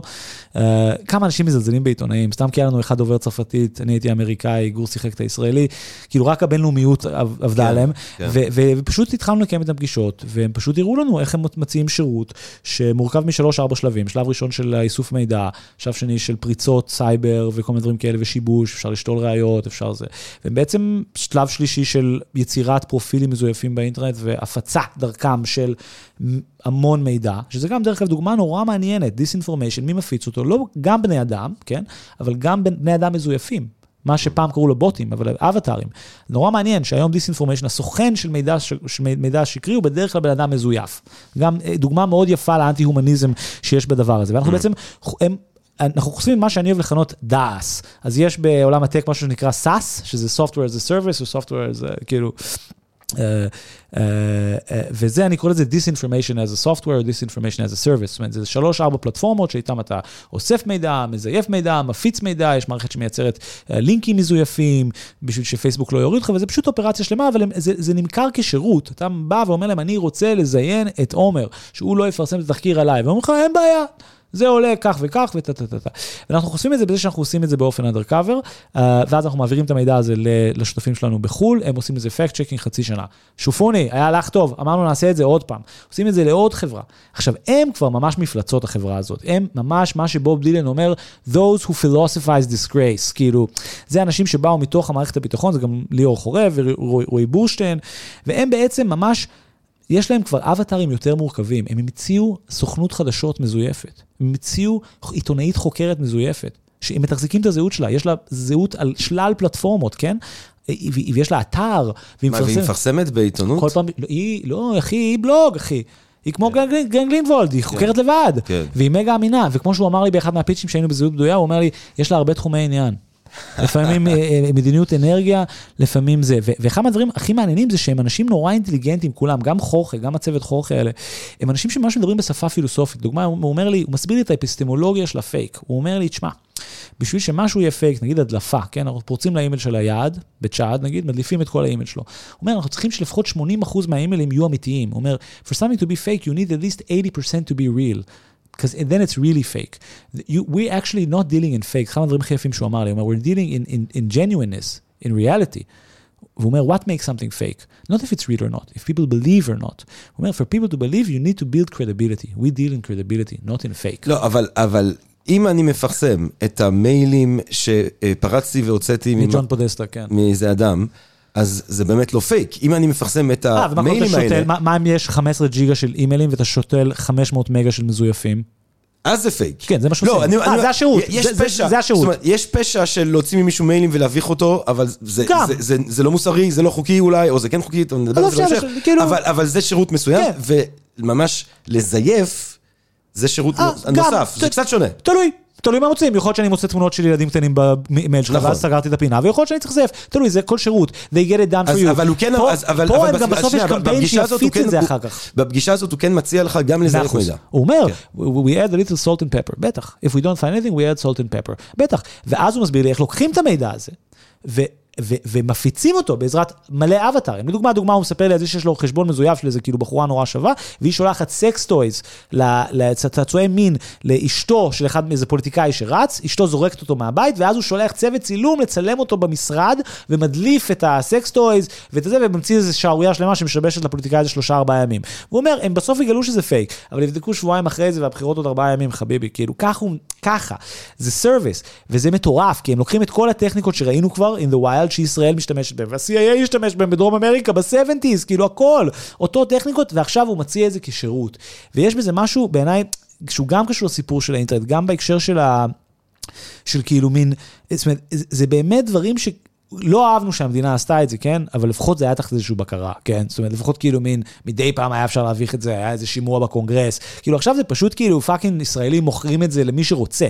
כאילו, ויש בזה משהו באמת פחד אלוהים, וזה הסושיאל מדיה מאפשר. ולא רק שמאפשר, אם ירשה לי עם שנייה מילה התחשבנות פה על תחום ה-disinformation ואיך כותבים עליו, הם, הם הבעיה פה, פייסבוק היא, היא הבעיה number 1, כי פייסבוק בעצם לא מאפשרת מחקר עצמאי בכלל על disinformation, היא שולטת בכל המידע, בטענה שקיימברידג' אנליטיקה ניצלה מידע שנותנים לאקדמאים, ובטענה שכאילו למדנו מקיימברידג' אנליטיקה, הם סגרו בעצם את ה-API, מת תחום ה disinformation בארבע-חמש שנים, מאז 2018, מת, הוא תלוי בפטמה הצרה והקטנה של פייסבוק וטוויטר, ומה שהם נותנים כ data set ים, זה נחשב disinformation, הם קובעים את מה נחשב disinformation, זה די מדהים. בעצם אנחנו עכשיו, ה data set שיש לנו של האווטרים של, של חורחה, זה די מצחיק. עלה לנו רעיון די מצחיק תוך כדי לבקש ממנו לעשות קמפיין הדגמה. אז ביקשנו ממנו להתחיל שמועה שעמנואל, האמו, איזה ציפור ויראלית, מתה. אז ראינו בעצם אלפי חשבונות שלו מצייצים משהו מזויף. שאנחנו ביקשנו, אז פתאום ראינו ב live. זה ה data set היחיד של disinformation שנמצא live. לחוקרים אין שום אה, אה, גישה. כלום. למידע. מעט מאוד. ישיר עצמאי לא, מה שפייסבוק משחררת בצורה אנונימית אחרי סינון. אין שום דרך, לעקוב אחרי זה אתה יכול להצטרף לפייסבוק, לסושיאל סטאדי 1, הפרויקט של פייסבוק שבו חוקרים אליט. Embedded reporter. זה, ועכשיו, דרך אגב, הם חוקרים שאני מבין אותם, הם בוחרים להשתתף, כי הם אומרים, יש לי גישה למידע, לדבר הכי חשוב בעולם, והם צודקים, הם לא אנשים רעים, מי שבפרויקט הזה, כן, אבל הם משלמים מחיר, ועכשיו יצא, לפני שבועיים יצא רצף מחקרים, אני וגידי לב כתבנו על זה בשביל הארץ, רצף מחקרים הכי גדולים בדיסאינפורמיישן יצאו מכמה שנים. ונייצ'ר, שהסכימו לפרסם את המחקרים האלה, גם פרסמו מאמר דעה מול זה שאומר, יש פה גם משהו בעייתי, שכל המחירים האלה הם טובים, רק כי פייסבוק החליטו פעם ראשונה לאפשר למישהו לעשות מחקר. אז יש פה משהו נורא בעייתי, שאנחנו יודעים, כאילו על פניו התחקיר שלנו יוצא, וכאילו כולם כאילו מין, וואו, מי ידע שיש פרטי?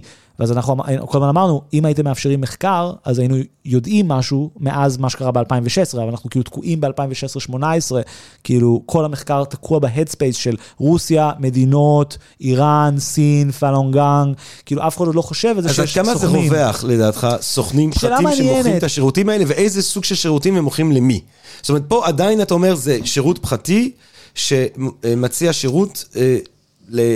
משטר כלשהו. אה, לא, לא, זה לא משטר. NSO מוכר למדינות, כאילו זה המוסד מוכר ל, ל, ל, לשירות של כאילו מוחמד בן סלמן, לשירות הפרטי, כאילו הביטחון שלו. פה זה משהו אחר, פה זה ממש פשוט כמו חברות יח"צ, אתה לא, ברור שאפשר גם למכור לבן אדם פרטי, אבל איזה סיפור, כי נתת, נתת את הדוגמה הפוליטית מצ'אד. אה, חורכה או החבורה הזאת, כן. עם איזה אנשים פרטיים הם עבדו? הם עובדים מלא עם אוליגרכים, עורכי דין, אנשים עשירים שרוצים להשמיץ יריבים, לפעמים הרבה יותר נוח להשמיץ יריב, גם בלקיוב היום, זה מה שהם עושים, משמיצים יריבים של אנשים, ובעצם נכנסים לתוך סכסוכים משפטיים. בכלל, העולם של סכסוכים משפטיים, לפרוץ למישהו לאימייל, להביא זה, כאילו יש שוק פרטי של private hackers, שזה מה שהם עושים, הכל בשביל ליטיגציה. והתחום של השפעה, תשמע, זה תחום גדול, יש כל הזמן בחירות איפשהו, כאילו, אני לא יודע אם אתה עוקב אחרי בחירות במדינות הבלקן, אבל יש איזה 14 שם, אחי, וכל הזמן יש בחירות uh, בסלובניה או באלבניה או ביוון, ואם אתה באקוס, תשמע, קניה, אני יודע להגיד שמול חורכה, את הצד השני עשה חברה ישראלית אחרת. זה ענק, חברה ישראלית אחרת, זה היה ישראלים מול ישראלים שם, וזה לא הפעם הראשונה, כאילו, היו עשרות בחירות בשנים האחרונות, שזה ישראלים מול ישראלים. במובן הזה, אני חושב שישראלים חזקים בתחום, אבל אנחנו לא לבד בתחום, כן? בוא, בוא, יש ים בבריטים שעושים את זה. זה, זה דבר אחד מעניין, שמדברים על Start-Up Nation, הסטארט-אפ זה מילה מאוד יפה לגם הרבה מאוד טכנולוגיות שבסוף הן טכנולוגיות אה, צבאיות, סייבר, שהשימוש בהן, אם הוא אה, נעשה ללא כל בקרה מוסרית, הוא אה, יכול להיות מזעזע. נכון, נכון. Um, טוב, מה, אנחנו להמשיך, לאסוף את זה? אני לא יודע, אנחנו אוספים, אנחנו, מה אתה רוצה? לא, מה הלו"ז שלך בכלל? מה הלו"ז שלך בכלל? יש לי או איסוף או עוד פתיחה לעשות, זה ממש לשיקולך. אה, לא, לא, לא, אנחנו בטוב, וואי, זה מטורף. אבל אז, בוא, אז בוא, בוא תתאר לי על התגובה של האנשים האלה כשאתה מפרסם את זה. יש, יש לך... סיפור מצחיק. ש... אז אנחנו מדליפים לנו אימייל כמה, איזה חודש וחצי אחרי שאנחנו חושפים שבעצם ממודיעין, שלושה ישראלים שיבשו כאילו קרוב ל-27 מערכות בחירות בכאילו... 15 שנים, משהו insane, ואנחנו מדליפים לנו אימייל שבו uh, שולחים את, שבו חורחה בעצמו, הלא הוא טל חנן, שהכחיש קשר. Uh, uh, טל, אם אתה שומע. טל, אתה שומע, הוא הדליף אימייל. זהו, זה, אני לא, זה, אני לא... זה אימייל שהוא שלח ללקוחות שלו, שאומר, You might recall me from such films as טים חורחה. הוא פשוט כאילו משתמש בכתבות שלנו לקדם את עצמו. זה מדהים. כאילו, עוד לא עצרו את המשטרה, לא עשתה עם זה כלום, יכול להיות שזה קשור למדינת ישראל, אין לי מושג, אבל ההשפעה של זה יותר מהכל בעיניי, שזה כאילו היה, סתם, זה קצת תשובה מצחיקה, אבל זה כאילו היה תהליך נורא מעצים בשבילי ובשביל המון עיתונאים, כי בעצם עשינו קפיצה פילוסופית די מעניינת. למדנו שצריך לשקר בשביל להגיד את האמת. כאילו, למדנו שאנחנו צריכים לעבוד על האנשים האלה בשביל לגלות את האמת. ויש בזה בתוך עיתונאות משהו די רדיקלי, כי כאילו מין כמו באקדמיה, גם לנו יש בעצם כעיתונים אתיקה, שהיא גם שמרנית וישנה ושורשיה אבל זה זה יש, נגיד האתיקה של השיטור בהרבה צורות, הוא גם... מה זאת אומרת? Mm-hmm.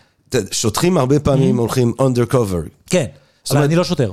אתה יודע, זה... אני עובד בחברה פרטית, אני שכיר. אבל יכול להיות שאתה גם לא אקדמאי, יכול להיות שעיתונאי לפעמים יש לו את ה...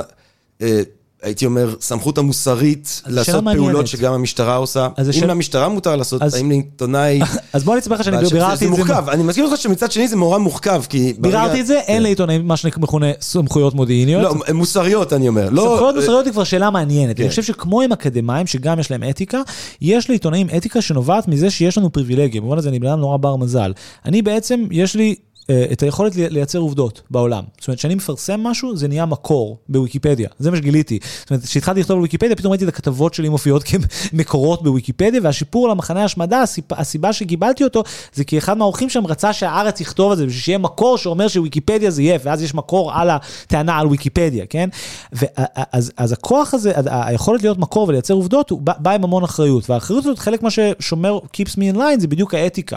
האתיקה הומניסטית, היא יושבת על, ש, על שמי הטוב, זה שאני בן אדם אמיתי, אני אומר לך, אחי, אני הלכתי וראיתי, אני ראיתי את המסמך, בעין שלי יש chain, epistemological chain, מהזה שאני ראיתי את, את, את הגופה, את המסמך, לא משנה מה, לדיווח שאתה מקבל כקורא. אני, אני, אני, אני ערב לזה, בדיוק כמו ה-peer review, שאתה ערב לזה, כן? יש פה chain אפיסטמולוגי, במובן הזה עבודה עיתונאית, יש בה, יש בה אחריות אפיסטמולוגית במובן מסוים. ו, ויש בה אתיקה, והאתיקה הזאת היא, היא לא חוקית, זה בדיוק הנקודה. והבחירה שלנו ל, ל, ל, לשקר לאנשים האלה, שיהיה לך ברור שעוררה המון מתח והמון שאלות אתיות וגם משפטיות. ואנחנו היינו בסדר, בגלל שהחוק אומר שמותר, זאת אומרת, א' כל לא... לא גנבנו זהות, לאף אחד לא העמדתי פנים שאני מישהו אחר, זאת אומרת, נתתי שם לא אמיתי, ויותר מזה, כאילו, זה דבר לא חוקי, אתה יכול לעשות, זאת אומרת, אתה יכול לדובב מישהו, אבל יש עולם שהם יכלו לתבוע אותנו, כאילו, זה לא, או, הם יפסידו, אבל זה כאילו מין, זה, זה לא ברור שאתית מותר לך לעשות את זה, ורק, זה תרבות אתיקה מאוד אירופאית, זאת אומרת, באמריקה זה, זה לא דבר שמותר לעשות. מבחינה אתית עונאית, כאילו. אני רוצה שתדבר איתנו קצת על, אה, אתה יודע, אה, זה גם משתקף עם מה שאתה אומר, we'll sell ads, אה, ג'ארד לניה, שאני אני אוהב את הטיפוס הזה, כאילו, קצת, אתה יודע, אתה, אני, אני מת על זה שאף אחד לא יודע איך אומרים את השם, ככה אומרים את זה? ג'ארד לניה, ירון לניר? ג'רום הוא קצת. היודה של ההגות הדיגיטלית. הוא, הר, כאילו. הוא הראשון מה, מה, מה, מהראשונים להבין את ויקיפדיה. אז, אה, והוא מתייחס אה, ספציפית לפייסבוק, הוא אומר, אה, או לרשתות חברתיות, הוא אומר, אל תגידו את המילה רשתות חברתיות, תגידו אה, מכניזמים להכוונה התנהגות אנושית. מדהים. ואני חושב שעצם הטריק הזה, שתפסיקו להגיד, פשוט תשנו בשפה שלכם, תנסו את הדבר הזה.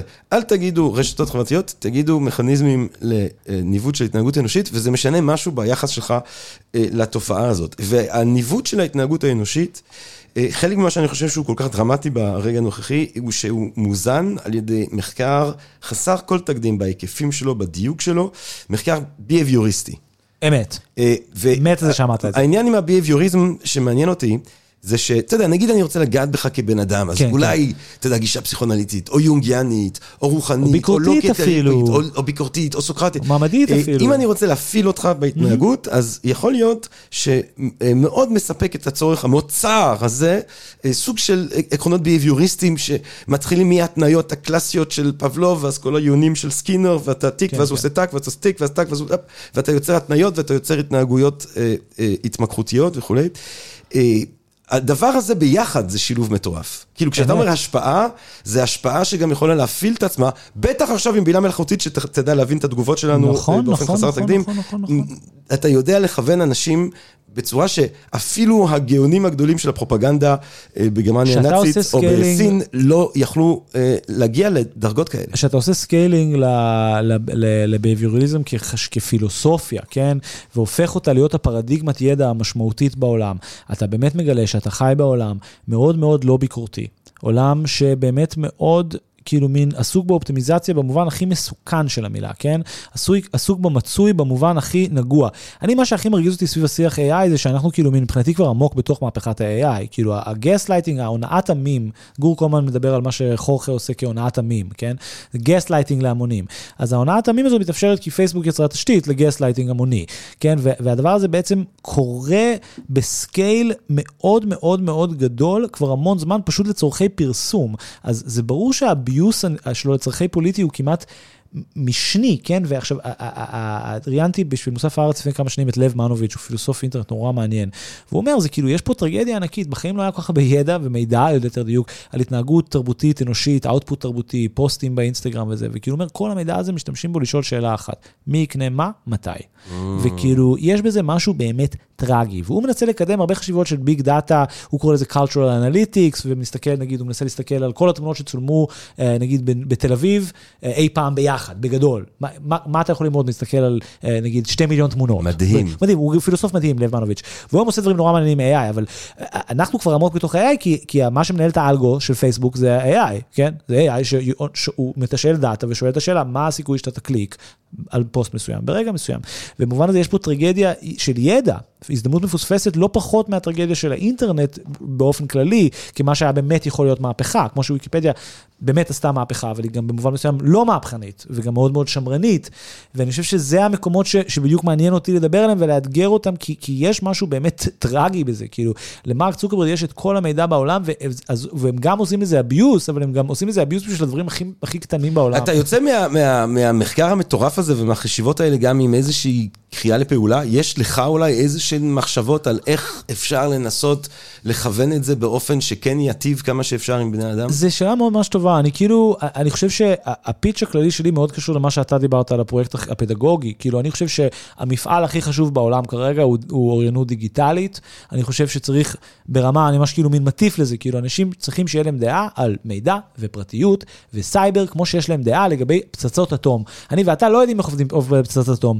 אנחנו לא יודעים, ועדיין יש לנו דעה לגבי פרוליפרציה. אחלה, אני ככה אני רוצה שזה יהיה, שאנשים יריבו בסדר פסח על פרטיות במקרה הטוב ועל, ועל סייבר, וזה אחלה. כאילו, אנחנו צריכים להפסיק להאמין לאידיאליזם.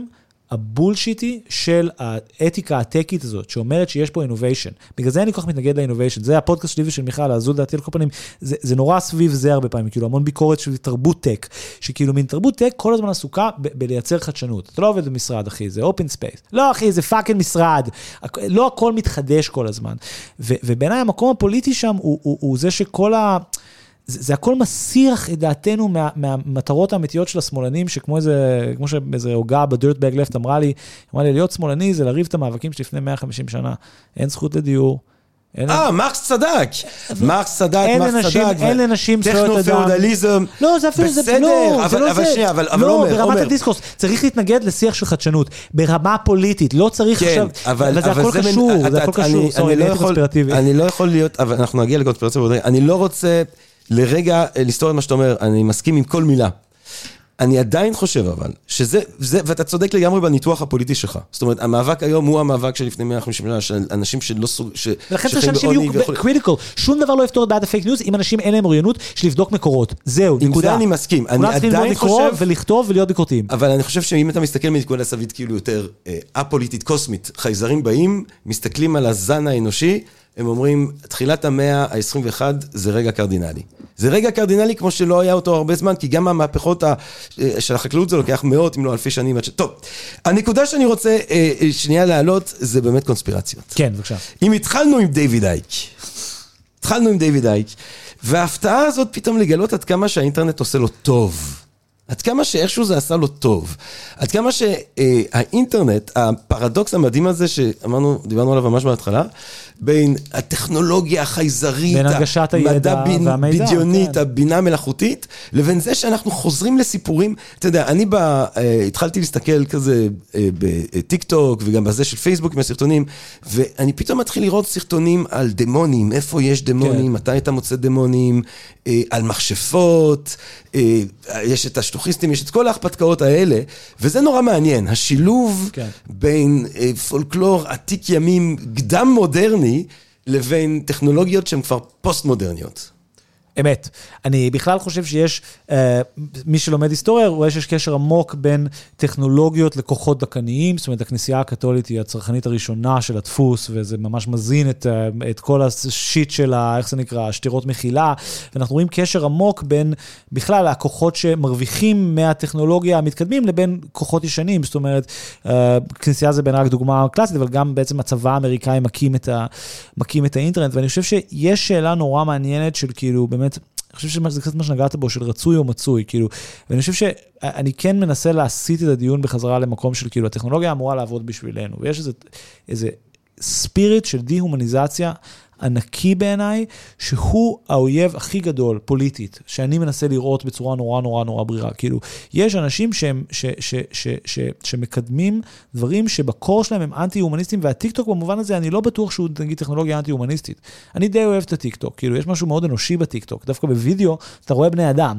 זה נכון שהבני אדם שם כבר נראים לא, לא אמיתיים. כן. לב מנוביץ' מדבר על זה גם, על זה שאיך האסת... פוטושופ יצר אסתטיקה של perfection. כן. אני לא איך שאני נראה במראה, אני איך שאני נראה אחרי הפילטר. בדיוק, בדיוק. במובן הזה הטיקטוק טיקטוק הוא כאילו מין אנשים שהם נראים טוב ברמה שזה לא הגיוני, כאילו זה כבר באמת קצת האסתטיקה של הפוטושופ הפכה להיות האסתטיקה של כן. ה daily, ואנחנו כבר, יש כאילו אנשים שהם חתיכים וכוסיות ברמה שהיא באמת נראה כאילו מודסים. אבל האמת, האמת היא, פה אני הולך להיות בצד שלך, זה כבר אתה יכול לראות בשנות ה-90. אני זוכר שבצרפת הם אמרו אה, שההבדל בין קולנוע צרפתי לקולנוע אמריקאי זה אנשים בקולנוע האמריקאי כבר לא נראים אנושיים. כן, בדיוק, גם המציגים בחדשות, הם כבר לא נראים אנושיים. הם כבר, אתה יודע, אתה רואה צרפת, אתה רואה אחד כזה, אתה יודע, הוא קצת מקריח, אחד קצת שמן, אחד...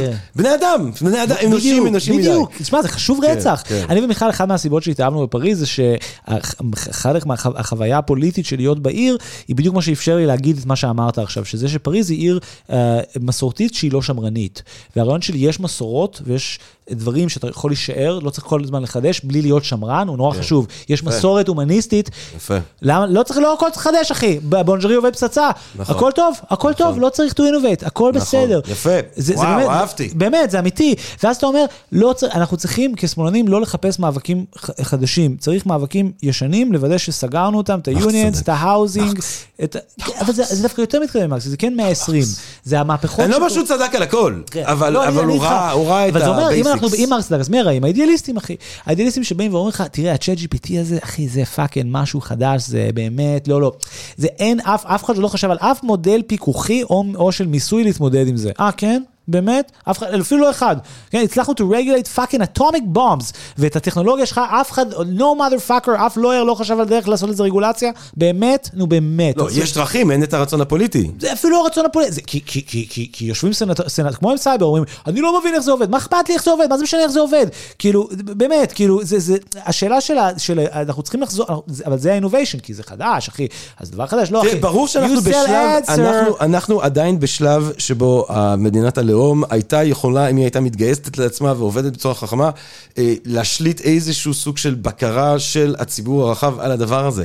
אבל כמו שאתה שם לב, כמו שאתה שם לב, חלק ממה שהטכנולוגיות מובילים, זה מפה פוליטית שבארצות הברית רץ אה, איזה סוג של אה, תפוז כן, כתום, כן, כן. עם פה בצורה של פיתה בת של תרנגול, ושכאן אנחנו לא עוסקים בזה שיוון נסחפת כל שנה, ושעוד שנייה אנחנו נושמים יותר מים משאנחנו שוחים בתוכם כאן בתל אביב. כן, אנחנו עוסקים בפרות אדומות שחייבים להקריב אותן בבית המקדש, ויפה שעה אחת קודם, כן? זאת אומרת, שם זה ציד המכשפות, ופה אנחנו חוזרים ככה לשאיפות לחיות בסוף תקופת הברזל. זאת אומרת, ההקצנה לכיוונים הגרוטסקיים האלה באופן ברור משרתת את האינטרסים הפוליטיים של מי שכרגע בעל הכוח. זה שהמדינות ה...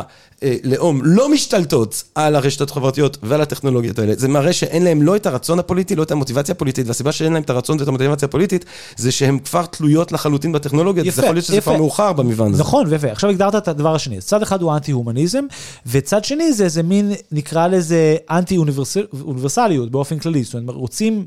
היפר לאומיות ו hyper local, ואני חושב שהשתי דברים האלה הולכים יד ביד, זאת אומרת אי אפשר לנתק בין טראמפ לבין רשתות חברתיות, והסיפור שם הוא לא הדיון המזויף באמריקה על חופש הדיבור, כן, האם מותר לטראמפ לפעול בחופש דיבור, זה, זה דיון ריק, הדיון שם הוא על האם מותר לשקר ומותר פייק, ואני חושב שמותר לשקר, אבל השאלה אם מותר פייק היא כבר שאלה מעניינת, כאילו פייסבוק is not a first amendment issue, זאת אומרת לשם הדיון לאבטאר, לחשבון מזויף, אין חופש דיבור, כן, זאת אומרת הבעיה עם חופש דיבור היום זה שבעצם מדללים את ה free speech שלי ושלך עם חשבונות מזויפים ברשת. זאת אומרת, זה הבעיה כן. שם. כן. ואז מסבירים לנו שאי אפשר להתמודד עם זה, כי... זה לא שאתה לא יכול להביע את עצמך, זה שלא שומעים אותך בתוך הים שמשתיק אותך. בדיוק, כן. בדיוק, בדיוק. נתנו לכולם קול, ובזה דיללו את הערך של קול. אבל אתה יודע מה, וגם כעיתונאי, אה, וגם דילו אתה יכול להיות ביקורתי, אתה מבין?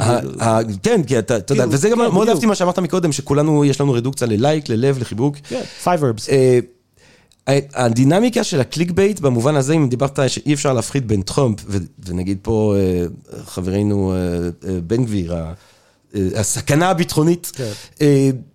טראמפ, בן גביר ותופעות מזעזעות שכאלה, מסכנות אסונות אולי חסרי תקדים, לא בהיסטוריה האנושית, אסונות כמו שידענו להכיר, אבל אולי בדור שלנו. טראמפ ובן גביר זה הדינמיקה שגם מאוד מעודדת אותם, את, ה, את הפרנקנשטיינים האלה, זה שהעיתונות מדווחת. אה, בקטע רע, אוי, טראמפ אמר ככה וככה. כן, כן, ומהדהדת בום, אותו. מלא. clickbait. כן. ואז אתה מבין שהם מרוויחים מזה שטראמפ אומר shit. אה, הזוי לגמרי שלחלוטין. בוא, לי יש קריירה בגלל טראמפ, אחי. אבל, אבל זה כל העניין, זה שאתה באמת רואה עד כמה שטראמפ באיזושהי, אתה יודע, הוא לא האיש הכי מבריק בעולם, אבל יש לו איזה... כאילו אה, אינסטינקט פרסומי אינטואיטיבי מדהים, נכון. שהוא מבין לגמרי שכמה שהוא הולך יותר רחוק, ככה הטוויטר אה, מזין אותו, ואז נכון. מדווחים עליו, ואז הוא הולך עוד יותר רחוק ומדברים עליו יותר, ובעצם CNN, שכאילו הפכו את זה אחר כך לאסון הכי גדול בהיסטוריה האמריקאית, הם אלה שהובילו אליו. ובאותה אמת? צורה, אה, אז זה מדהים עד כמה שבן גביר בכל אמצעי התקשורת, ועד כמה שההיגיון של ה clickbait, הוא- עם כל האמינות של ההיגיון עיתון כמו הוא הארץ, ההיגיון של, הפ- של הפופוליזם, והוא הולך יד ביד, והוא בדיוק באיזה פידבק לופ נורא מסוכן עם האליטות שאמורות לעצור אותו, והמנגנונים שאמורים לעצור אותו. אבל הם לא, כי, כי אפילו, ה, אפילו אותו. הגרדיאן, אפילו המקומות הכי ראויים בעולם, בסופו של דבר נפלו עם טראמפ נכון. ב, ב, ב, בדבר הזה לגמרי. מצד שני, יש משבר מאוד גדול שמוביל, משבר כלכלי אמיתי, שמוביל לעלייה, ומשבר זהותני הייתי אומר מאוד גדול, שמוביל לעלייה של אנשים, גברים כמו טראמפ ובן גביר. עכשיו, יש, הטכנולוגיה מאפשרת את זה, לדוגמה, אנשים לא יצביעו בן גביר בלי לחשוב שעוד הרבה אנשים מצביעים בן גביר. והפייסבוק והאקו צ'יימברים שלו מייצרים את התחושה הזאת. זאת אומרת, אם אתה בתוך פיד שכולם מצביעים בן גביר, אז זה באמת יותר קל לקבל את ההצבעה המוטרפת הזאת, כן? וזה אנחנו רואים שיש תופעות כאלה, כן? ובכלל, אם אתה בן אדם לא ביקורתי ואתה יכול לחיות באקו צ'יימברים של מידע, אז הרבה יותר קל לאורך זמן לעשות עליך מניפולציה ולספר לך שיש בעיית ריבונות. מצד שני, באמת יש בעיית ריבונות. לדוגמה, פייסבוק שולטת בתודעה שלך, ובאמת לא ניתן לפקח עליה. אז יש פה איזה מתח בין שתי הקצוות העניין הוא. הגירוי, זאת אומרת, אה, קיצוניות היא הרבה יותר מגרה. design. נכון, ברור. קיצוניות היא יותר מגרה נכון. לעין, היא יותר נכון. מהירה לתודעה, היא יותר מתאימה לטכנולוגיה הזאת, והם, אה, ואין שום לקיחת אחריות מהאליטה הקליפורניאנית הזאת, נכון. ואין אה, שום רצון פוליטי לשנות אבל את זה. תחשוב כמה מדהים ויקיפדיה עכשיו. מהפרספקטיבה הזאת, כאילו שוב, ב-inside our world, כאילו שאני לא ביקורתי, inside our world, איזה מדהימה זה ויקיפדיה לא, בתוך המצב אוהב, הזה. אני אוהב זה ויקיפדיה. מדהים. אני אני כל ההשכלה שלי זה. ויקיפדיה. לא, לא, אני מת על- יש, אומרים על לייבניץ שהוא... זה- טוב, טוב, טוב. נו, בבקשה. בסדר, אומרים על לייבניץ שהוא כאילו, שהוא ה-last encyclopedic mind of the world, כאילו הבן אדם האחרון כן. שהיה יכול לדעת את כל מה שניתן לדעת, ואני כל הזמן חושב זה שכאילו, we live in a עולם וואי, שכאילו... לייבניץ זה אופטימי. אני שמעתי שאריסטו זה האחרון. אה, יכול, אבל לייבניץ עוד בפנטזיה שכאילו גם, של הוא רצה לעשות אנציקלופדיות, וכאילו אנחנו חיים בעולם שכאילו מין, לכולנו יש ידע אה, ויקיפדי, ויש בזה כן. משהו נורא, גם אחלה, זה מדהים. זה מדהים, זה omniscience. אי אפשר לא לאהוב לאהוב את זה מה גם. מה שאולי טרגי, זה הפער בין עד כמה שאפשר לראות במהירות מצב אוטופי, בזכות כל הטכנולוגיות בדיוק, האלה, בדיוק. למציאות שבה הם בדיוק. פשוט, אה, איך אמר לנון, maniacs, משתמשים בהם למטרותיהם הלא בדיוק, ו- שפויות. ולכן כאילו. ה zoom out בעיניי הוא פשוט להבין בדיוק את ה dual use הזה, שכאילו להגיד, זה כמו הדפוס, זאת אומרת, זה יהיה גם לטוב וגם לרע, ואנחנו חייבים שלנו יהיה אג'נדה לגבי זה, והאג'נדה חייבת להיות הומניסטית, כי הפרויקט הומניסטי לא הושלם. וכל שאר הפנטזיות, שהם כאילו מין, אילון מאסק זה פשוט הסאטירה של זה, כאילו, הכי מטומטם, אז קל להגחיך את זה, אבל אתה יודע, יש שם אידיאולוגים אמיתיים, כאילו, הטכנו האידיאולוגי הזה זה דבר אמיתי. כאילו, כן. מרק צוקרברג גדל בתוך היימט פילוסופי מסוים, אמיתי, כאילו, וזה לא טוב, זה כאילו, אין שם נכים, אתה מבין אומר? למה- למה וויקיפדיה, אה, תראה, מצד אחד זה אפשר לענות על זה תשובה פורמליסטית, שברור שבאקדמיה או בכתיבה אקדמאית או בפרסומים אקדמיים או אפילו בעבודות שסטודנטים מגישים, אתה לא מקבל את ויקיפדיה כמקור נכון. אה, שמתקבל על הדעת, אבל אתה יכול להגיד, כי ויקיפדיה בעצם יושב על הידע האקדמי, אז לך ישר למקור האקדמי. גם וגם כי זה משתנה, אבל אני אספר לך סיפור יפה. ב-2005... אבל הד- ההשתנות, אם היא דיוק, היא דווקא לטובה, כי מאמר אתה לא יכול לשפר. בדיוק, במובן הזה. ויקיפדיה משפרת את המודל האקדמי. בכלל, אני אגיד לך, אז זה שכל אחד יכול לבדוק את הערך, זה עדיף על peer review. עדיף לך מאות מבקרים, שאולי יודעים מי ערך, מאשר שתיים שלא יודעים, שהם מומחים. עדיף לך כמה שיותר אנשים תמיד בכל דבר. כן. שוק חופשי, bigger numbers, better, numbers game. שוב, חופשי אני לא יודע. מבחינתם חופשי, יותר חופשי דרך אגב מהאוניברסיטה, כל אחד עם אינטרנט, כן? זאת אומרת, אפילו לא צריך לוגין, אתה יכול להיות גם אנונימי. אמ, אני חושב שהתשובה, אז אספר לך סיפור מעניין, ב-2005 Nature בעצם מזמנים מחקר שמשווה בין ערכים בבריטניקה לערכים בוויקיפדיה. 40 ערכים, נבחרו באקראי, הביאו 40 מומחים מהתחום המדעי הרלוונטי, שפטו, גילו שוויקיפדיה as accurate as בריטניקה. בריטניקה משגרים מכתב סופר כועס לנייצ'ר, מכתב מאוד מעניין, הם אומרים, תראו, נייצ'ר, אתם כתב עת אקדמי, אתם מומחים בלייצר עובדות חדשות. אנחנו בריטניקה, אנחנו קיימים מאז הנאורות, אנחנו מומחים בלסכם עובדות. ואנחנו בדקנו, ואנחנו יותר טובים מוויקיפדיה. לא מקבלים את המתודולוגיה שלכם. מה שמדהים בטענה הזאת, זה שהיא טענה שנובעת מסמכות. בריטניקה הייתה שם דבר ב-2005. ב-2023, אחי, זו טענה שלא מחזיקה מים בשיט, כי אתה אומר, ברימה? בריט... כן, כן. אף ילד לא מכיר את זה. עכשיו, לי קנו בריטניקה, זה היה 12 סידים שדימו את ה-12 כאילו כרכים. כן. היה נורא יפה, ניסיון של הטכנולוגיה לדמות את הפרינט. כן, אבל, כן. אבל ויקיפדיה כבר כאילו היא הפוסט של זה, כן. ויש בזה משהו נורא בדיוק במקומות האלה. לא, ויקיפדיה היא האנציקלופדיה, והאופן שבו היא מסדרת את הידע, אה, יש לה השפעה אה, מטורפת, כן. אם אנחנו בגלל זה אני בעד או נדפקתי נגד, מזה, זה עכשיו, המצב. כתבתי לפני כמה שבועות, פורום קהלת מפעילים עורך בתשלום, כן? יש כלכלה של השפעה בוויקיפדיה, כן? פורום, אה, עורך בתשלום, זה משהו מטורף. שמעוות את כל מה שאתה אומר בקוטן. מצד שני, יש, אם זה שוק חופשי, צריך להסדיר את הלוביסטים, ויש זה עורכי בעצם, בתשלום. אתה יודע מה, זה הסינתזה של כל השיחה שלנו. היינו הרבה בוויקיפדיה, היינו בחברות כן. שנותנות שירות של השפעה, ואז אנחנו פוגשים את הייצור, את ה-bastard child שלהם, בעורך בוויקיפדיה בכסף. אמת, אמת, אמת. אה, אבל זה גם, זה בדיוק המקום הליברטריאלי הזה, וזה שוויקיפדיה בכלל מאפשרת את זה, זה דבר מאוד מעניין, אבל זה גם, זה נועד, זה, זה פנטזיה ליברלית של להסדיר ושיהיה בסדר, ואוקיי, אז מי שהולכים לערוך פה בתשלום, בואו נלך שנסדיר את זה. בסדר, אבל אני מרגיש שכבר יצאנו משליטה, אנחנו כבר, אנחנו, שברתי פה את המכשיר הקלטה, לא? נה, מה, אנחנו, אנחנו פה בבוקרו של יום חדש. אתה יודע, זה, זה לא... מה, אתה... אני לא התאהבתי, אני יכול... להמשיך. תראה, הדבר היחיד שעוד רציתי ממש בקטנה להוסיף, כן, כן, זהו, בוא נסיים, אחי. זה לא... אתה- תראה, אתה לא בן ערובה כאן. אתה לא, אני יודע, אני יודע. אני הדבר היחיד שרציתי אתה להגיד לא- זה ש- אתה חופשי ללכת מתי שאתה רק רוצה. אני. נהנה רצח. אני, רק הדבר האחרון שרציתי כן, להגיד, כן, לא, שאני- לא, ברור. לא, לא, אנחנו חייבים לסיים, חייבים לסיים. בטח. שאני, הדבר היחיד שקשה לי, זה שאני כאילו לא סיימתי את התואר, בסופו של דבר, סיימתי, אבל אני מחכה עוד לתואר השני.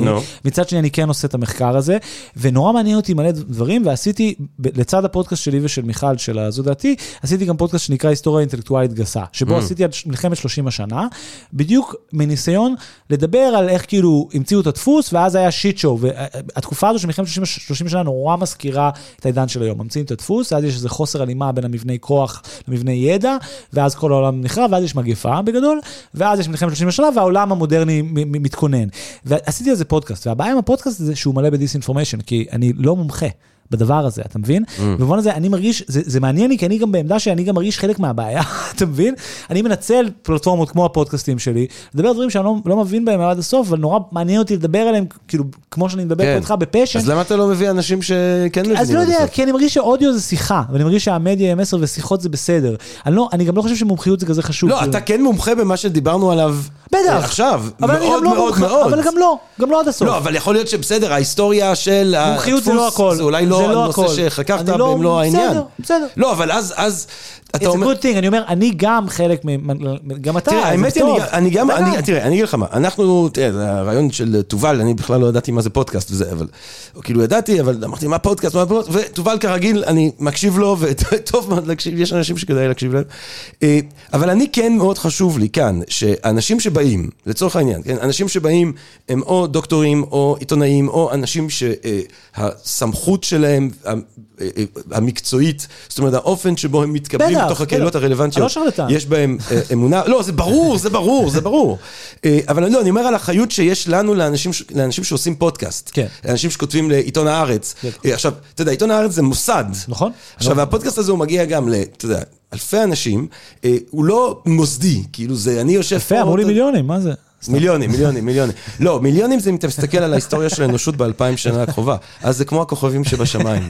הפודקאסט הזה הוא בכלל מוקלט לנכדות של הנכדות של הנכדות המדוזאיות שלנו, שיהיו בחלל שאני הרחוק. ברור לי שיהיה להם ספוטיפיי. ולא, זה יהיה כבר אחר לגמרי, זה יהיה משהו אחר, אבל אני אדבר איתם, הם יחזרו אותי. הם שאתה נורא, אתה יחזירו יודע, אותי. תמיד כמה מהאינטרנט יחזירו נעלם, אותי תמיד יחזירו כמה אותי מהאינטרנט נעלם, אחי, תמיד ששום דבר מהשיט הדיגיטלי זה לא. יישמר, סורי. לא, לא, לא, אנחנו, אחרת.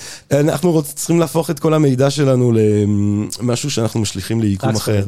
תראה, אה, אז יש לנו אחריות שהיא אה, לך, זאת אומרת, אני עשיתי אה, פודקאסט היסטורי, אז באמת יש לך אחריות כי אתה בלי שאתה באיזה מסגרת כאילו מסורתית כזאת שמשקפת את המאמצים להיות הכי מדויק שאפשר, לוקח על עצמך את האחריות הזאת. עכשיו, אני, אני גם חושב על הדבר הזה כשאנחנו אבל האחריות שלי היא אתית, אני מביא אנרגיה ופרספקטיבה מסוימת, אני לא מביא בדיוק כמו שאומר, אני לא יכול, אני לא יכול להביא עובדות, אני לא אהיה יותר טוב מוויקיפדיה, אני לא אהיה יותר כן. טוב מהיסטוריון, אני יכול להביא את הפרספקטיבה שאומרת, fuck, מלחמת 30 שנה מזכיר לי את מה שקורה עכשיו, והדפוס מזכיר לי את מה ש... והיה fake news גם אז, וזה באמת, ה print אפשר לו scaling, פעם ראשונה. לא, אבל אני, אני, ואני גם רוצה לומר שוב שזה מעניין שאפילו נגיד אנחנו, כשאנחנו עושים פודקאסטים, עדיין ה reference יהיה המנגנונים האקדמיים, עם כל הביקורת נכון, זה נכון, זה, אני חושב על זה. זה שכאילו הבן אדם, הדוקטורט שלו קיבל אישור במנגנון האקדמי, מבחינתי זה מספיק כדי שאני יכול לדבר איתו ולהרגיש בנוח עם מה שהוא אומר, כי אתה יודע, זה יפה, קורה בתוך הזמן הזה. ואולי זה, זה לא אומר טוב. שכולם אמרו תמיד את האמת, נכון, גם כאן. אבל זה, זה סוף או יפה. או את העובדות. לא, לא, נכון, אבל זה כן סוף יפה, כי זה אומר שלדוגמה, מה האובייקט הטכנולוגי שאני ואתה השתמשנו בו הכי הרבה?